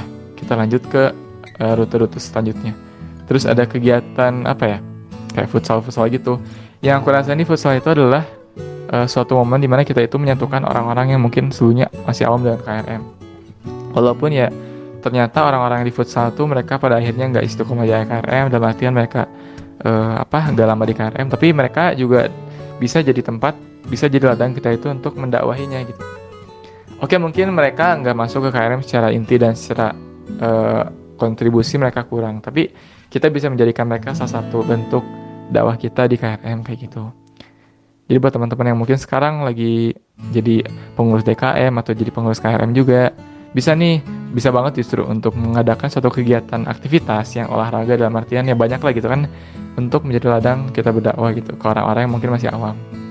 Jadi salah satu pendekatan sih menurut aku. Terus kalau misalkan ngelihat setelah rute itu ada rute apa ya? Rute Sanlat. Tadi kan udah jelasin itu Sanlat tuh emang apalagi bukbernya itu lah gitu. Jadi kayak bukbernya itu benar-benar yang awalnya tuh kelas 7 itu kayak cuma jadi peserta dan kelas 8 jadi panitia gitu. Kayak ngerasa wah aku panitianya nih. Wah aku panitianya nih gitu. Kayak oh oke okay lah. Ternyata gini rasanya kayak gitu. Terus apa ya? Terus um, banyak sih. MCAM juga MCAM 2018 ya 19 ya? 18 ya 18 yang di ya itu tuh MCAM pertama kalinya kelas 9 tapi udah jadi panitia gitu. Jadi kayak ngerasanya uh, benar-benar ya kurang dipercaya tapi emang satu hal yang wajib untuk dihadapi lah kayak gitu. Dan alhamdulillah ternyata emang dari segala kali itu tuh banyak banget hikmah yang bisa kita ambil. Bahkan dari hal sepele pun dari dari hal misalnya sekarang nih yang aku rasa nih ya ketika udah SMA gitu dengan hari Sabtu gitu ya kita datang ke masjid aja. Bahkan dengan gak mentoring gitu ya. Aku pernah satu hari ke SM ke 8 waktu udah SMA tapi cuman kayak datang doang. Itu tuh udah jam berapa ya? Jam 10 ke tuh 11 gitu ya. Udah udah mau duhur dan emang udah gak ada mentoring gitu. Karena kebetulan mentoringnya tuh pagi-pagi. Dan emang bukan jadwalnya minggu aku. Jadwalnya Kang Denny kalau nggak salah. Dan itu tuh bukan minggu aku. Aku datang aja gitu. Karena emang kebetulan juga mau ke SMA gitu. Gak temu tes waktu itu lupa aku dan mau datang gitu aja terus kayak ngeliat suasana itu udah keinget banget sama semua memori di KRM tuh asik. Dan itu tuh sebenarnya cukup gitu cukup untuk menutupi rasa rindu tentang entah dari orang-orangnya entah dari suasananya. Sebab dengan kita ke masjid 8 itu tuh dengan suasana yang sama dengan tata letak masjid yang masih gitu gitu. Dan itu bikin memorinya tuh kayak seolah dari gitu. Dan kayak enak aja gitu ketika kita kembali ke tempat di mana dulu kita pernah berjuang di situ kayak enak gitu dan semoga dari segala jenis yang udah teman-teman tadi anggap itu adalah hal yang paling menarik, hal yang paling diingat gitu ya. Semoga itu bisa menjadi bahan juga kan pada akhirnya untuk teman-teman tuh bisa berkembang, teman-teman tuh bisa nge-share ke orang lain tentang bahagianya teman-teman. Sebab identiknya bahagia itu tentang penyebaran. Jadi kita kalau bahagia itu nyebarin ke orang lain. Tapi kalau kita sedih itu identiknya itu harus ditutupi. Ya gitu sih. Mungkin kurang lebihnya. Oke, Masya Allah ya tadi udah mendengarkan bagaimana kejadian kejadian-kejadian yang paling membekas dari kalian tentang Karel Fikar. Dan pasti itu adalah hal yang Masya Allah pasti kita ingat gitu ya. Dan semoga bermanfaat itu apa-apa yang kita ingat itu menjadi pelajaran, apa-apa yang kita ingat itu menjadi suatu pegangan gitu ya buat kita ketika kita saat ini menghadapi sesuatu dan berbagai macam hal gitu kan ya. Nah, e, kita lanjut ke pembahasan yang mungkin bisa dibilang hampir menuju terakhir gitu ya. Yaitu pertanyaan buat teman-teman semua ini terakhir jadi pertanyaan adalah hikmah apa nih yang bisa teman-teman ambil selama teman-teman ada di KRM? Hikmah apa yang teman-teman rasain ketika teman-teman di KRM tuh teman-teman tuh dapat ini loh. Dan teman-teman tuh merasa bersyukur banget ketika teman-teman ada di KRM tuh ternyata teman-teman mendapatkan ini. Dan juga ditambahkan dengan pesan teman-teman nih buat uh, seluruh orang yang dengerin ini nih. Apa yang teman-teman mau sampaikan kira-kira? Hikmah yang bisa ngebuat aku sampai saat ini bersyukur banget ada di lingkaran KRM adalah aku benar-benar dikelilingi sama banyak temen yang satu tujuan sama aku. Bukan kayak cuman sekedar eskul tapi di KRM juga aku benar-benar merasa berubah jadi lebih baik. Dan aku di sini punya banyak banget temen yang selalu ngingetin aku untuk berbuat kebaikan. Itu benar-benar jadi poin penting yang buat aku bersyukur banget di KRM terus juga hal yang aku pengen ungkapin ke teman-teman KRM yang sekarang lagi ngejabat nih khususnya aku pengen bilang aja kalau misalkan KRM tuh bukan cuma sekedar eskul untuk ngisi nilai di rapot ya tapi coba lebih dinikmati setiap kegiatannya. Karena ini benar-benar bermanfaat gitu untuk meningkatkan kualitas diri kita entah dari ilmu organisasinya, ilmu agamanya atau bahkan dari persaudaraannya itu bakal kerasa banget. Pokoknya semangat buat teman-teman Alfikar semua yang sedang menjabat walaupun yang udah purna semoga bisa mengadakan kegiatan-kegiatan yang lebih bermanfaat dari sebelumnya. Semangat! Ya sih berkaitan dengan itu ya eskul ya. Emang bener gitu KRM itu bukan eskul doang gitu. Yang aku rasain benar-benar KRM itu sesuatu yang mungkin bisa diibaratin suatu bagian daripada fase SMP itu ya KRM gitu di situ. Karena kalau aku pribadi gitu kalau misalkan nilai KRM gak dari rapot pun ya gak masalah. Karena emang KRM itu suatu kebutuhan suatu bahkan suatu bekal yang perlu dipunyai oleh orang-orang di SMP gitu. Biar mereka itu apa ya biar mereka itu bisa maksimal bisa bisa membuat diri mereka itu jadi maksimal dari segi uh, agama dari segi dirinya dari segi jiwanya gitu kan. Dalam artian kita meningkatkan skill-skill kita di sana. Di samping mungkin mereka punya sekolah lain gitu. Tapi yang aku rasain adalah ketika kita memprioritaskan KRM atau kita ya mendapati di situ namanya pengalaman KRM dan itu adalah hal yang benar-benar setelah aku jalanin setelah aku coba perhatiin. Karena emang gini ya kita itu nggak bakal tahu hikmah yang bener-bener masya Allah yang Allah kasih gitu ya. Kalau kita bener-bener gak nyelesain semuanya sampai akhir. Kalau misalkan kita cuma ngeliat dari awal doang ini kita kita masuk KRM yaitu di kelas 8 misalnya aku pribadi nih aku masuk ke KRM kelas 8 terus kayak pertama kali mentoring tuh kayak asing banget itu kayak ini tuh siapa namanya? Eh aku tanya ke pinggir. Eh, itu Kang siapa namanya? Oh itu namanya Kang Nadif. Oh Kang Nadif. Siapa itu tuh? Aku tuh kayak banyak-banyak nanya gitu karena emang aku yang paling nggak tahu. Terus udah gitu kayak aku ngerasa awal-awal tuh kayak hampa-hampa gitu kayak oh gini ya kasarinnya oh gini ya kasarinnya jadi kayak benar-benar hari Sabtu itu datang sekolah pulang naik angkot. Dan kebetulan juga ada teman searah waktu itu namanya Sahrul. Dan ya namanya Sahrul. Terus ya gitu aja keseharian hari Sabtu tuh. Cuman ya ke sini ke sininya aku mikir kayak ya belum kerasa aja gitu kebaikannya. Kita harus benar-benar memaksa diri kita untuk ikutan dulu. Dan gak cuma mentoring loh ternyata ada kegiatan itsar kayak kita itu pergi jauh-jauh ke pusda itu ngapain sih? Kita pergi-pergi rapat jauh ke pusda itu ngapain sih? Atau kita jauh-jauh ke SMP 2 waktu itu tuh ngapain sih? Atau kita ngikutin kalau dulu tuh pernah ada yang namanya Edu Global ya di SM apa namanya? Kayak barang sharing KKB gitu di Edu Global cuma aku nggak ikutan. Tapi kita harus tahu itu poinnya apa sih gitu. Terus kita tuh ikutan MKM tuh untuk apa sih gitu sampai pada akhirnya aku nemu kayak setelah selesai yaitu pada di AFL kedua diangkat di alaman aku gitu ya. Ketika saat itu tuh Faiz ya jadi ketumnya dan itu tuh aku kayak pulang sekolah tuh kan kalau nggak salah hujan ya kalau nggak salah tuh Faiz tuh. Hujan dan kayak apa ya kayak ngerasa bener-bener oh udah ya kayak gitu ya. Tapi soalnya itu tuh kayak masih berlanjut ya aku tuh kayak masih ngerasa belum berakhir gitu. Bahkan kayak bakalan terus menerus gitu punya peran di KRM tuh karena ya itu tadi ketika kita menjalani sesuatunya itu tuh udah jadi bagian daripada kebutuhan kita tuh. KRM tuh udah ibaratnya kayak itulah menurut aku mah itu sih dicukupin dulu. Hikmahnya lebih termotivasi untuk jadi orang yang lebih baik selalu bersyukur juga setiap iman lagi down pasti ada aja yang ngingetin secara langsung maupun gak langsung. KRM juga jadi filter buat pergaulan. Karena teman-temannya baik jadi meminimalisir kemungkinan kita untuk terjerumus ke hal-hal negatif. Untuk teman-teman KRM yang lagi ngejabat jadi kepengurusan tetap istiqomah ya dalam mempertanggungjawabkan rangkul lagi teman-temannya biar pekerjaannya jadi lebih mudah. Harus berani mengutarakan pendapat.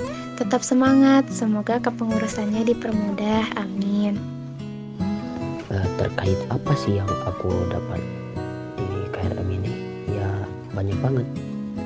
Banyak banget. Salah satunya itu saya bisa bertemu orang-orang hebat seperti antum-antum sekalian ya.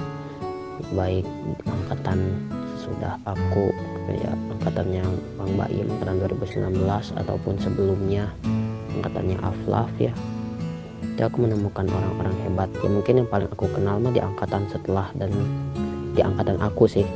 Kalau di angkatan aku kayak Puspa gitu ya Faiz Aisyah itu mantap-mantap gitu. Apa sih? Inteleknya bagus gitu. Terus apa ya public speakingnya juga mantap. Mungkin buat angkatan kang Baim juga gitu. Aku tuh merasa apa ya aku cuma kayak remah-remahnya doang gitu di sini. Dan di, dan situ aku juga dapat motivasi yang besar untuk menjadi seperti kalian gitu. Ya salah satunya dengan membaca buku dan referensi gitu juga. Ya juga meneruin kebiasaan dari sebagian kalian gitu. Terus apalagi ya sih bisa menjalin ukhuwah gitu mendapat teman baru mendapat pelajaran juga bagaimana cara berorganisasi gitu ya. Ya seperti itu. Dan ramai banget itu pokoknya mah. Terus mendapatkan hiburan juga gitu. Mendapatkan ilmu dan hiburan apalagi dari mentoring gitu ya. Saat sesi sharing-sharing dan biasanya kan habis kayak gitu teh ke mana dulu gitu pergi. Nah biasanya di situ tuh dapat hiburan-hiburan atau ilmu-ilmu dan pengalaman-pengalaman yang gak pernah didapetin sebelumnya gitu. Nah untuk pesan-pesan kepada apa? Yang mendengar gitu ya kepada pendengar terutama yang mau menjabat atau yang mungkin masih kelas 7 ya. Ya jangan sendiri-sendiri gitu. Kalau dalam KRM ini kita harus bersama harus menjalin pokoknya dengan sebaik-baik mungkin kita jangan merasa bahwa kita sendirian. Kita itu punya teman. Kita punya orang di sekeliling kita untuk kita maju bersama-sama menuju KRM ini gitu. Untuk memajukan KRM ini juga untuk mendapatkan ridho dari Allah. Dan jangan lupa dalam menjalaninya itu harus diselingi dengan niat karena Allah gitu. Karena sebuah amalan itu ya tergantung dari niat dan ini juga mungkin bisa disebut sebagai amalan gitu ya apalagi dalam menjadi pengurus. Ya, mungkin itu dari saya. Maaf kalau panjang ting dan atau nggak jelas ya. Tuh maaf pisan hey. hikmah yang aku dapat dari KRM itu ketika kita membuat keputusan kita harus yakin. Kalau ragu lebih baik nggak usah deh sama sekali. Soalnya ketika kita yakin mantap gitu sama keputusannya akan ada banyak kejutan di depan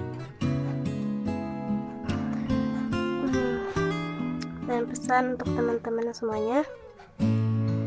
Teman-teman kalian itu akan mengalami di mana teman seperjuangan kita nggak bisa sama-sama terus dengan kita. Semua punya pilihan masing-masing dan tentunya ada alasan. Yang penting di mana pun kita berada dakwah itu masih amanah kita selagi kita masih hidup. Allah ciptain manusia itu kan beragam ya. Maka e, berdakwahlah dengan caramu gak perlu memaksakan diri jadi orang lain.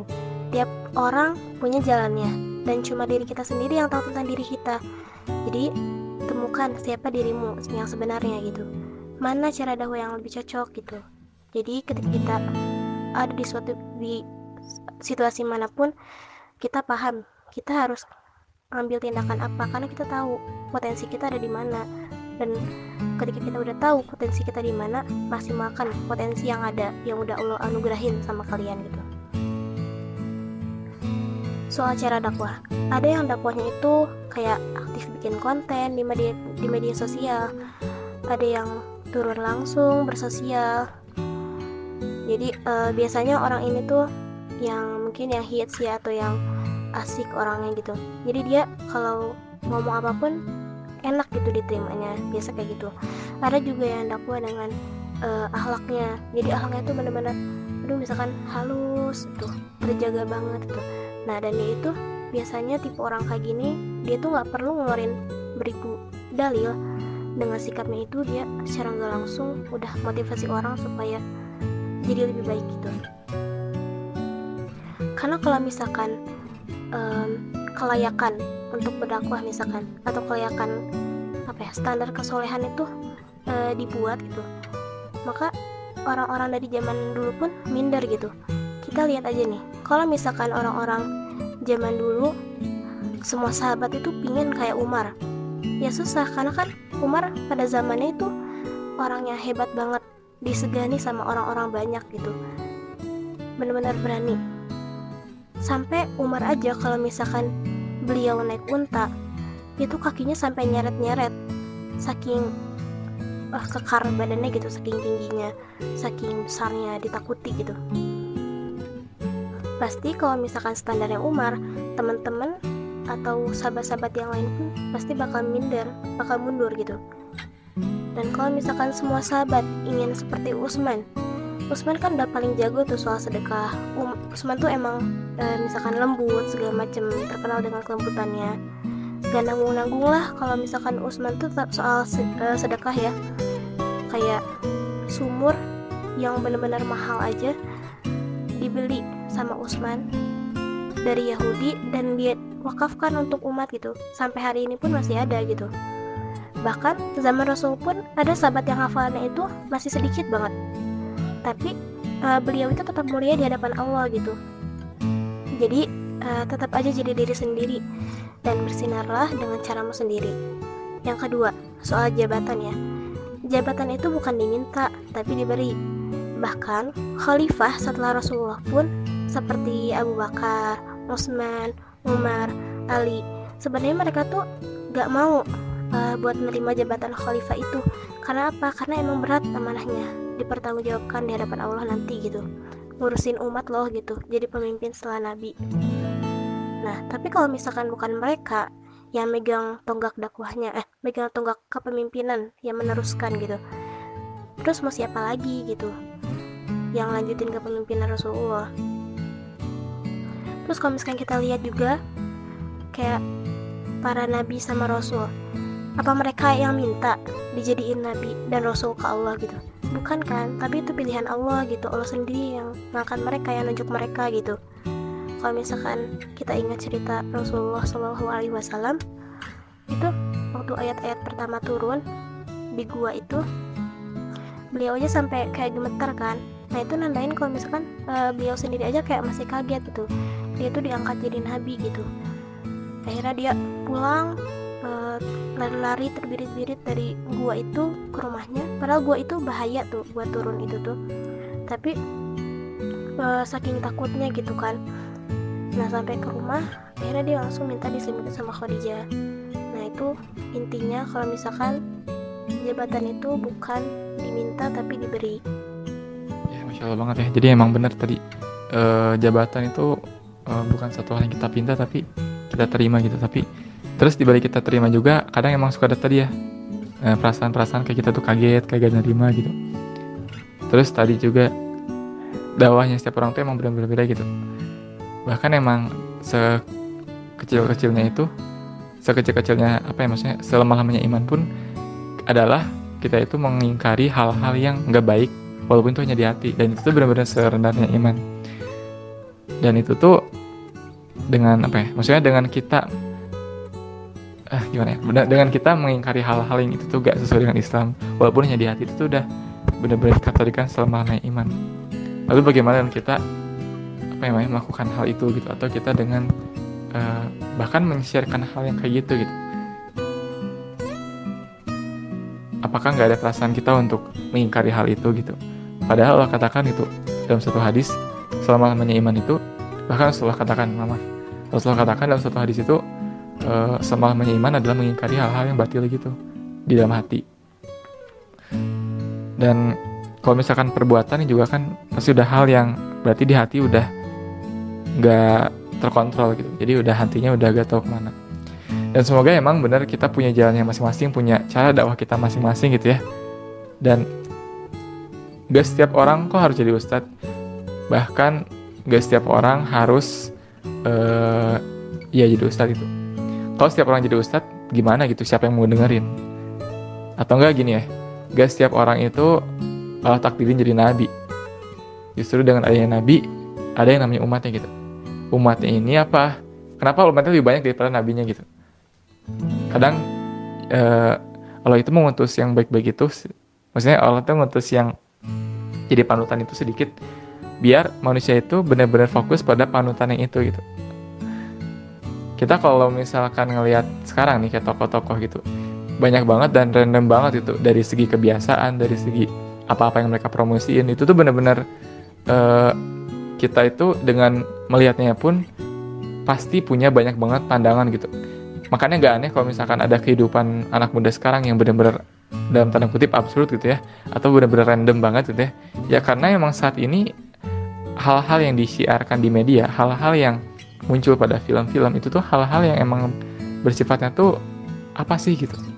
Tapi emang itu adalah hal-hal yang sekarang itu lagi trending dan itu adalah hal-hal yang nggak bisa kita pungkiri itu sedang terjadi gitu.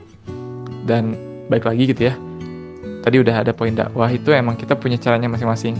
Terus kayak dengan akhlak pun kita emang bisa berdakwah gitu. Kita nggak perlu tahu banyak hadis nggak perlu tahu banyak dalil gitu ya. Walaupun kita perlu tahu untuk diri kita sendiri misal. Tapi dengan akhlak yang baik itu udah benar-benar dakwah yang uh, masya allah gitu. Dan apa ya uh, tadi itu sempat disinggung juga soal khilafah gitu ya dan emang tadi juga disebut kalau misalnya kita menjadikan seorang sebagai panutan sebagai tolak ukur gitu ya. Misalkan kita menjadikan Nabi Muhammad sebagai tolak ukur kita ketika kita udah mungkin sama kita baru boleh berdakwah. Dan itu tuh susah gitu nggak bakal bisa gitu. Bahkan lo udah katakan Nabi Muhammad itu adalah kekasih Allah gitu. Bagaimana kita mungkin maksudnya bagaimana kita dapat menyamakan gitu uh, kualitas diri kita dengan uh, Nabi yang levelnya udah tinggi banget itu pasti sulit kalau misalnya kita menjadikan Nabi sebagai tolak ukur kita berdakwah. Tapi berdakwah itu tadi banyak banget caranya gitu nggak terpaku hanya kita apa ya ngomong dan lain sebagainya tapi dengan perbuatan dengan mungkin dengan postingan kita atau dengan SG juga itu udah benar-benar mantap sih gitu. Hikmah yang aku dapetin kayak aku nemuin zona nyaman aku yang isinya adalah orang-orang hebat dan baik yang bikin aku berubah jadi lebih baik dan di sini aku nemu banyak ilmu yang bermanfaat dan banyak banget benefitnya sebenarnya. Kayak public speaking dan lainnya aku dapat itu dari KRM terus besar buat Alfikar yang lagi ngejabat uh, ya bener kata Nabila jangan jadiin esko ini cuma sebagai nilai di atas rapot. Sebenarnya harusnya kalian nikmatin gitu karena kalian bakal kangen sama masa-masa kalian kayak gini hikmah selama di KRM, alhamdulillah bisa berteman sama orang-orang yang ngajakin aku buat mengejar kebaikan, yang sering banget mengingatkan kalau aku hilaf. KRM tuh jadi tempat buat ngecas iman aku yang lagi down gitu. Karena ya bener sih, dulu masuk KRM itu cuma ngikutin saran orang tua aja, dan sekarang nggak nyangka ternyata aku dikumpulkan sama Allah dengan orang-orang yang seperti kalian, Miss. Dan e, menurut aku dengan KRM ini nggak cuma ilmu dunianya aja yang didapat, tapi ilmu akhiratnya juga ada. Ya sih bener banget tentang art of gak nyangka itu emang bener-bener apa ya luar biasa gitu. Kita dibuat sama gak nyangka tentang nilai aja, kayaknya bener-bener senang gitu. Dan ketika kita dibuat gak nyangka sama apa ya sama sifat orang gitu misalnya kita gak nyangka nih sifat orang itu tuh ya, kenapa baik banget terus kita gak nyangka misalkan sama apa nilai ya tadi udah disebutin nilai. Kenapa jual dapat 100 misalnya? Kayak mungkin rasa gak nyangka itu ada aja gitu. Atau mungkin buat teman-teman yang punya suatu pencapaian dan ngerasa gak nyangka itu benar-benar satu hal yang masya allah banget itu. Dan ini tuh adalah satu hal yang menurut aku gak nyangka yang benar-benar apa ya udah malangka nggak semua orang bisa dapetin dan bahkan setiap orang bisa punya pandangannya masing-masing gitu. Dan di balik pandangannya masing-masing itu ketidaknyangkaan ini tuh bermuaranya itu apa? Kepada Allah gitu. Bermuaranya itu adalah kepada kebersamaan ke Allah gitu. Ketika setiap orang mungkin punya pandangan masing-masing dengan keadaan itu tuh malah bikin kuat itu dari segi pertalian pertemanan dari segi ukhuwah dan lain sebagainya. Dan memang suatu hal yang berharga itu hikmah tuh. Dan gak mungkin kita dapetin suatu ini. Gak mungkin kita dapetin apa ya kalau kalau emang Allah itu ingin menakdirkan hal tersebut itu. Uh, kita Allah itu bilang gitu aku pernah dengar satu kajian dari satu Show Allah itu membuat memahami siapa pun yang Allah suka. Dan Allah tidak akan buat orang itu memahami tentang agamanya kalau Allah itu nggak suka. Pertanyaannya seperti apa gitu? Kita mungkin melihat ada orang yang yang di sini tuh dimention ya sama Ustadz Faisal tuh kayak mungkin uh, orang-orang yang udah dalam tanda kutip hafal banyak banget uh, keilmuannya. Tapi Allah itu nggak buat dia paham tentang perkara sesuatu sehingga itu tuh membuat dia itu jadi agak baik gitu. Tapi di sisi lain ada orang yang mungkin dalam artian dia itu um, masih apa namanya masih bermula-mula gitu di, di Islam itu masih benar-benar belajar.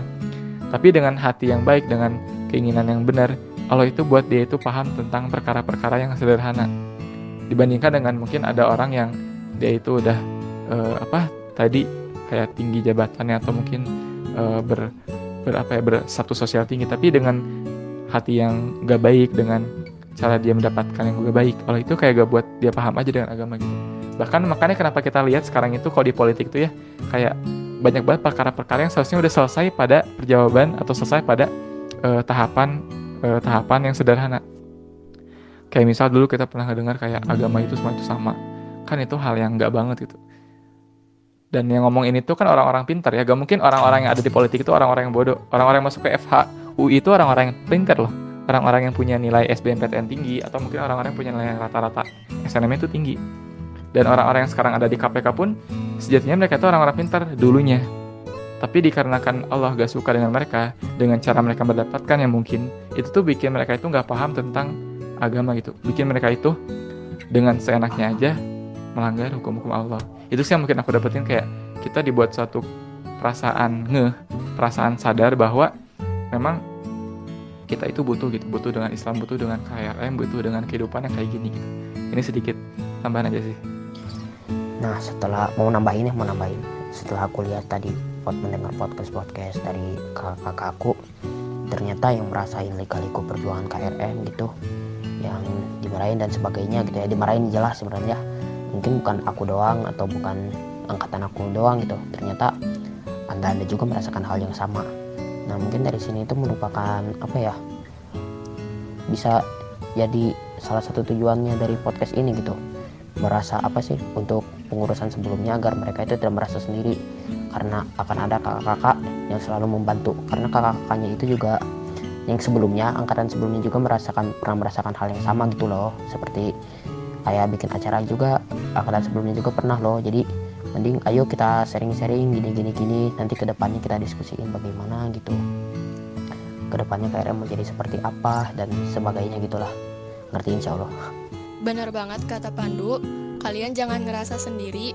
Masih banyak di sekeliling kalian orang yang siap buat uh, berjuang bareng sama kalian, yang siap ngebantu kalian.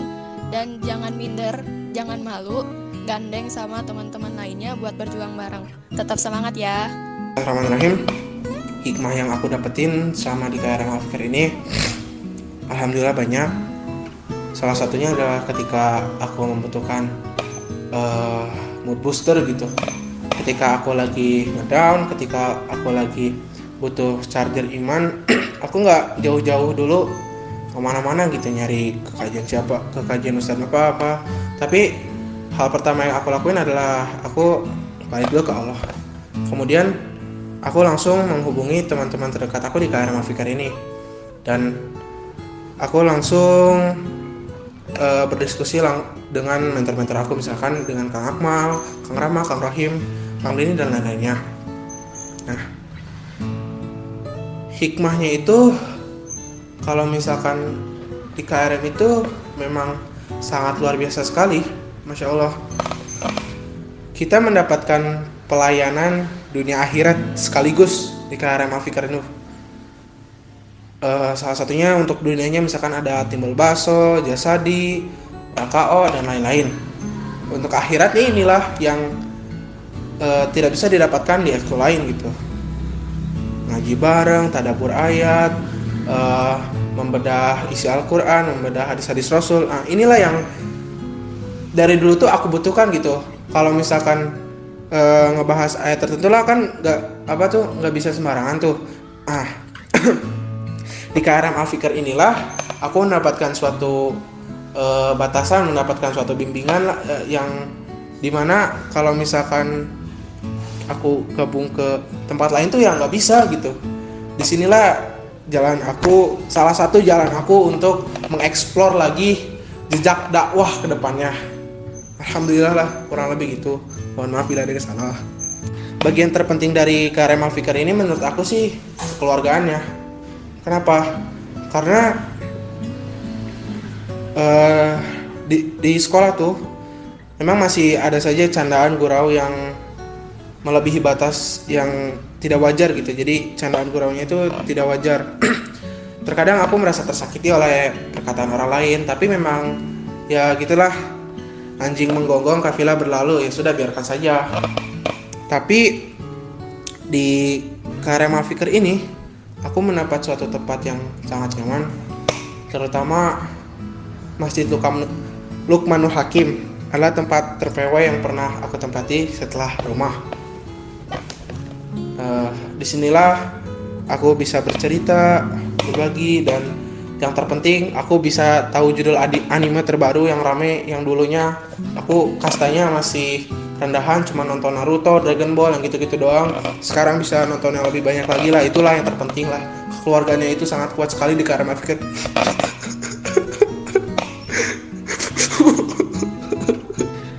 Intinya Karama Fikir itu segalanya. Pola pokoknya. Terima kasih untuk Kang Joni dan kawan-kawan yang sudah mendirikan KRM Alfikar ini karena Kang Joni dan kawan-kawan sudah memberikan suatu wadah suatu wadah untuk berdakwah, suatu wadah untuk menjalankan kehidupan di dunia ini, suatu wadah untuk menyaring uh, pergaulan, suatu wadah untuk menjadi pengingat gitu dalam kehidupan kita sehari-hari. Di mana akhirnya semuanya tergantung pada kita memanfaatkan wadah ini. Bagaimana cara kita mengatur wadah ini? Dan Alhamdulillah semoga wadah ini selalu menjadi wadah yang terbaik gitu. Di mana tempat ini adalah Karama Fikir ini menjadi wadah di mana nanti kita bersama-sama berkumpul di surga. Amin ya rabbal alamin. Pepatah berkata, malu bertanya sesat di jalan, banyak bertanya malu-maluin. Untuk kalian yang sekarang menjabat sebagai kepengurusan KRM Fikar, jangan pernah malu untuk bertanya tentang pengalaman uh, kakak-kakaknya, bagaimana cara mengatasi ini itu sebagainya. Jangan pernah malu untuk uh, sharing pengalamannya gimana dan tersaran jangan pernah malu karena di sini kami hadir untuk membantu kalian, untuk mensupport kalian di mana pun kalian membutuhkan kami. Di situlah insya Allah kami membantu kalian. Saya Faiz Teguh, sekian dan terima kasih. Ya sih benar kekeluargaan ya, tentang keluargaan. Sesuatu yang mungkin kita uh, gak jarang gitu organisasi lain pun ajarkan tentang keluargaan. Tapi yang aku rasain ya di SMA gitu ya, yang aku rasain ketika aku melihat kekeluargaan di SMA itu ya hmm, banyak hal-hal yang menurut aku gak sesuai gitu dengan hal-hal yang seharusnya uh, mungkin karena yang namanya organisasi kalau tidak mengatasnamakan Islam itu memang mereka gak punya maksudnya arahan atau tujuan atau panutan yang mereka ambil pun organisasi yang bukan Islam juga. Berbeda gitu ya ketika kita berkumpul dalam suatu organisasi yang itu tuh yang yang dipegang tuh Islam. Kita mendapatkan keluarga yang beda di situ kita mendapatkan bagaimana cara perlakuan yang baik di situ. Dan apa-apa yang kita dapat di akhir itu pun bakal berbeda ketika kita mungkin ikutan organisasi yang bukan Islam ini mah aku sedikit share aja gitu tentang dulu aku di OSIS dan dulu aku di KRM kalau di OSIS ketika aku udah selesai gitu ya dengan OSIS ya udah gitu aja selesai. Kontribusi apa sih yang bisa aku kasih ke OSIS di bawah aku setelah itu selesai? Ya apalagi kalau bukan ya data-data kayak proposal. Kalau misalkan Malik itu nanya kayak Im punya data ini gak? Ya udah aku kasih punya. Atau kayak butuh bantuan ini gak? Ya udah aku kasih. Dan durasinya hanya kurang dari satu tahun. Itu pun udah gitu selesai gitu aja dan berbeda ketika aku di KRM dan aku lulus misal aku udah gak di KRM lagi dan aku masih punya apa ikatan yang insya Allah ikatan itu tuh baik gitu ikatan yang uh, dalam artian lebih puguh, kekeluargaan yang lebih panjang, bahkan kekeluargaan di KRM itu melebihi dari segala-galanya kekeluargaan gitu. Bisa jadi kalau di organisasi ya, jadi kekeluargaan organisasi bukan dalam artian kekeluargaan di konteks yang lain, tapi ini mah kekeluargaan di organisasi gitu. Kekeluargaan organisasi yang berbau dengan Islam itu boleh jadi bisa untuk selamanya gitu. Bahkan selamanya itu benar-benar sampai ke akhirat gitu. Kita nggak tahu ya, apakah kita itu bertemu sekarang itu uh, cuma kebetulan atau emang uh, kita juga ngambil peran di sini gitu tapi yang aku rasain itu adalah Allah itu gak semata-mata menakdirkan kita itu bertemu gitu Allah itu gak semata-mata menakdirkan aku ketemu di KRM sama orang-orang kayak gini bahkan di Itsar gitu yang pada akhirnya aku ngerasa kayak waktu udah di KRM tuh Allah pertemukan dengan orang-orang di Itsar dan Allah pertemukan dengan orang-orang yang istimewa di Itsar gitu. Kayak dimulai dari akang-akang tetehnya. Bahkan kayak bener-bener eh uh, satu hal yang gak mungkin lah gak mungkin sia-sia gitu. Dan kekeluargaan di sini tuh benar-benar kekeluargaan yang gak mungkin didapatin pada suatu lembaga-lembaga pada satu tempat yang tidak mengatasnamakan Islam di situ. Dan itu sih poin pentingnya kekeluargaan di organisasi yang kayak gini tuh Masya Allah mantap banget lah gitu. Di mana ada ang 12 angka yaitu nomor WA di situ kalian boleh PC PC sama saya. Saya saya Panjo Teguh terima kasih. Intinya menurut saya hikmah yang didapat dari KRM Fikir ini adalah dengan bergabung sebuah keluarga baru di mana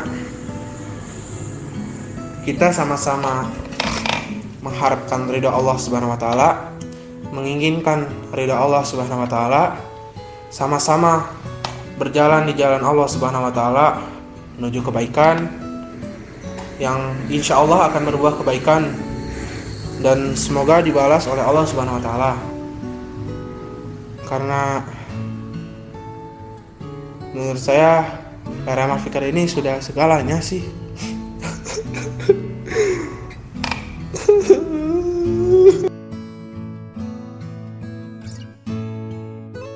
Jadi bisa kita tarik kesimpulan gitu ya dari jawaban-jawaban teman-teman dan cerita-cerita teman-teman juga tadi hikmahnya selama di KRM tuh banyak banget.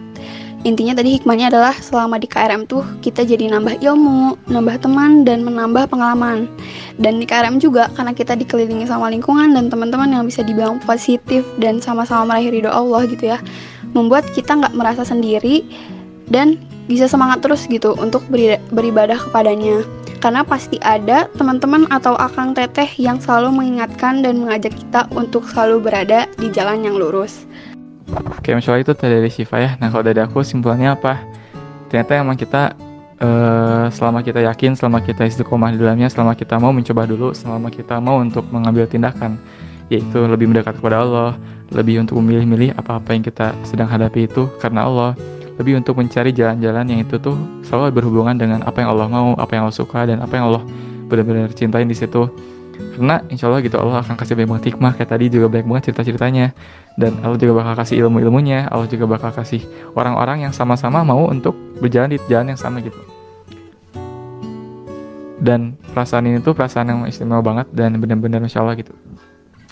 Uh, dan di KRM juga kita bisa ketemu banyak banget orang-orang yang masya Allah gitu yang memotivasi yang menginspirasi yang memberikan suatu tamparan yang memberikan suatu motivasi yang benar-benar ajakan yang benar-benar membangun kita.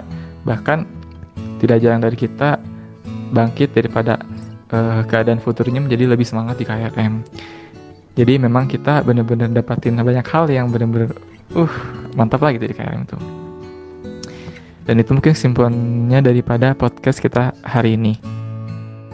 Lalu yang terakhir juga gitu ya, ada pesan-pesan dari angkatan 2019 dan 2020 khususnya untuk teman-teman yang sedang menjabat di KRM Alfikar. Jadi intinya adalah KRM Alfikar ini bukan sekedar eskul untuk diisi nilai rapot, tapi coba nikmati setiap kegiatannya karena benar-benar bermanfaat banget entah itu dari ilmu agamanya, ilmu tentang organisasinya atau bahkan dari persaudaraannya gitu. Lalu jangan pernah ngerasa sendiri karena di sini kita semua akan teteh siap membantu kalian gitu. Terus yang paling penting jangan malu untuk bertanya dan minta bantuan karena kita pasti bakalan bantu. Semangat terus dan rangkul lagi teman-temannya ya. Yang terpenting untuk teman-teman yang sekarang lagi menjabat dan yang nantinya akan menjabat uh, jangan lupa untuk mengambil hikmah dari setiap kegiatan yang ada di KRM Afikar ini nikmatin setiap kegiatannya karena insya Allah setiap kegiatan yang ada di KRM Afikar ini akan menjadi ladang amal, ladang ibadah, ladang dakwah untuk teman-teman semua. Sip. Oke, segitu aja mungkin ya untuk podcast kali ini. Kita udah banyak banget ngebahas dan cerita banyak hal Aku mau ngucapin terima kasih untuk teman-teman KRM Alfikar dari angkatan 2019 dan 2020 yang udah mau berbagi cerita, pengalaman, dan nasihatnya. Terima kasih banyak juga untuk teman-teman yang udah dengerin. Semoga bermanfaat dan semoga podcast ini bisa menemani kalian di kala bosan.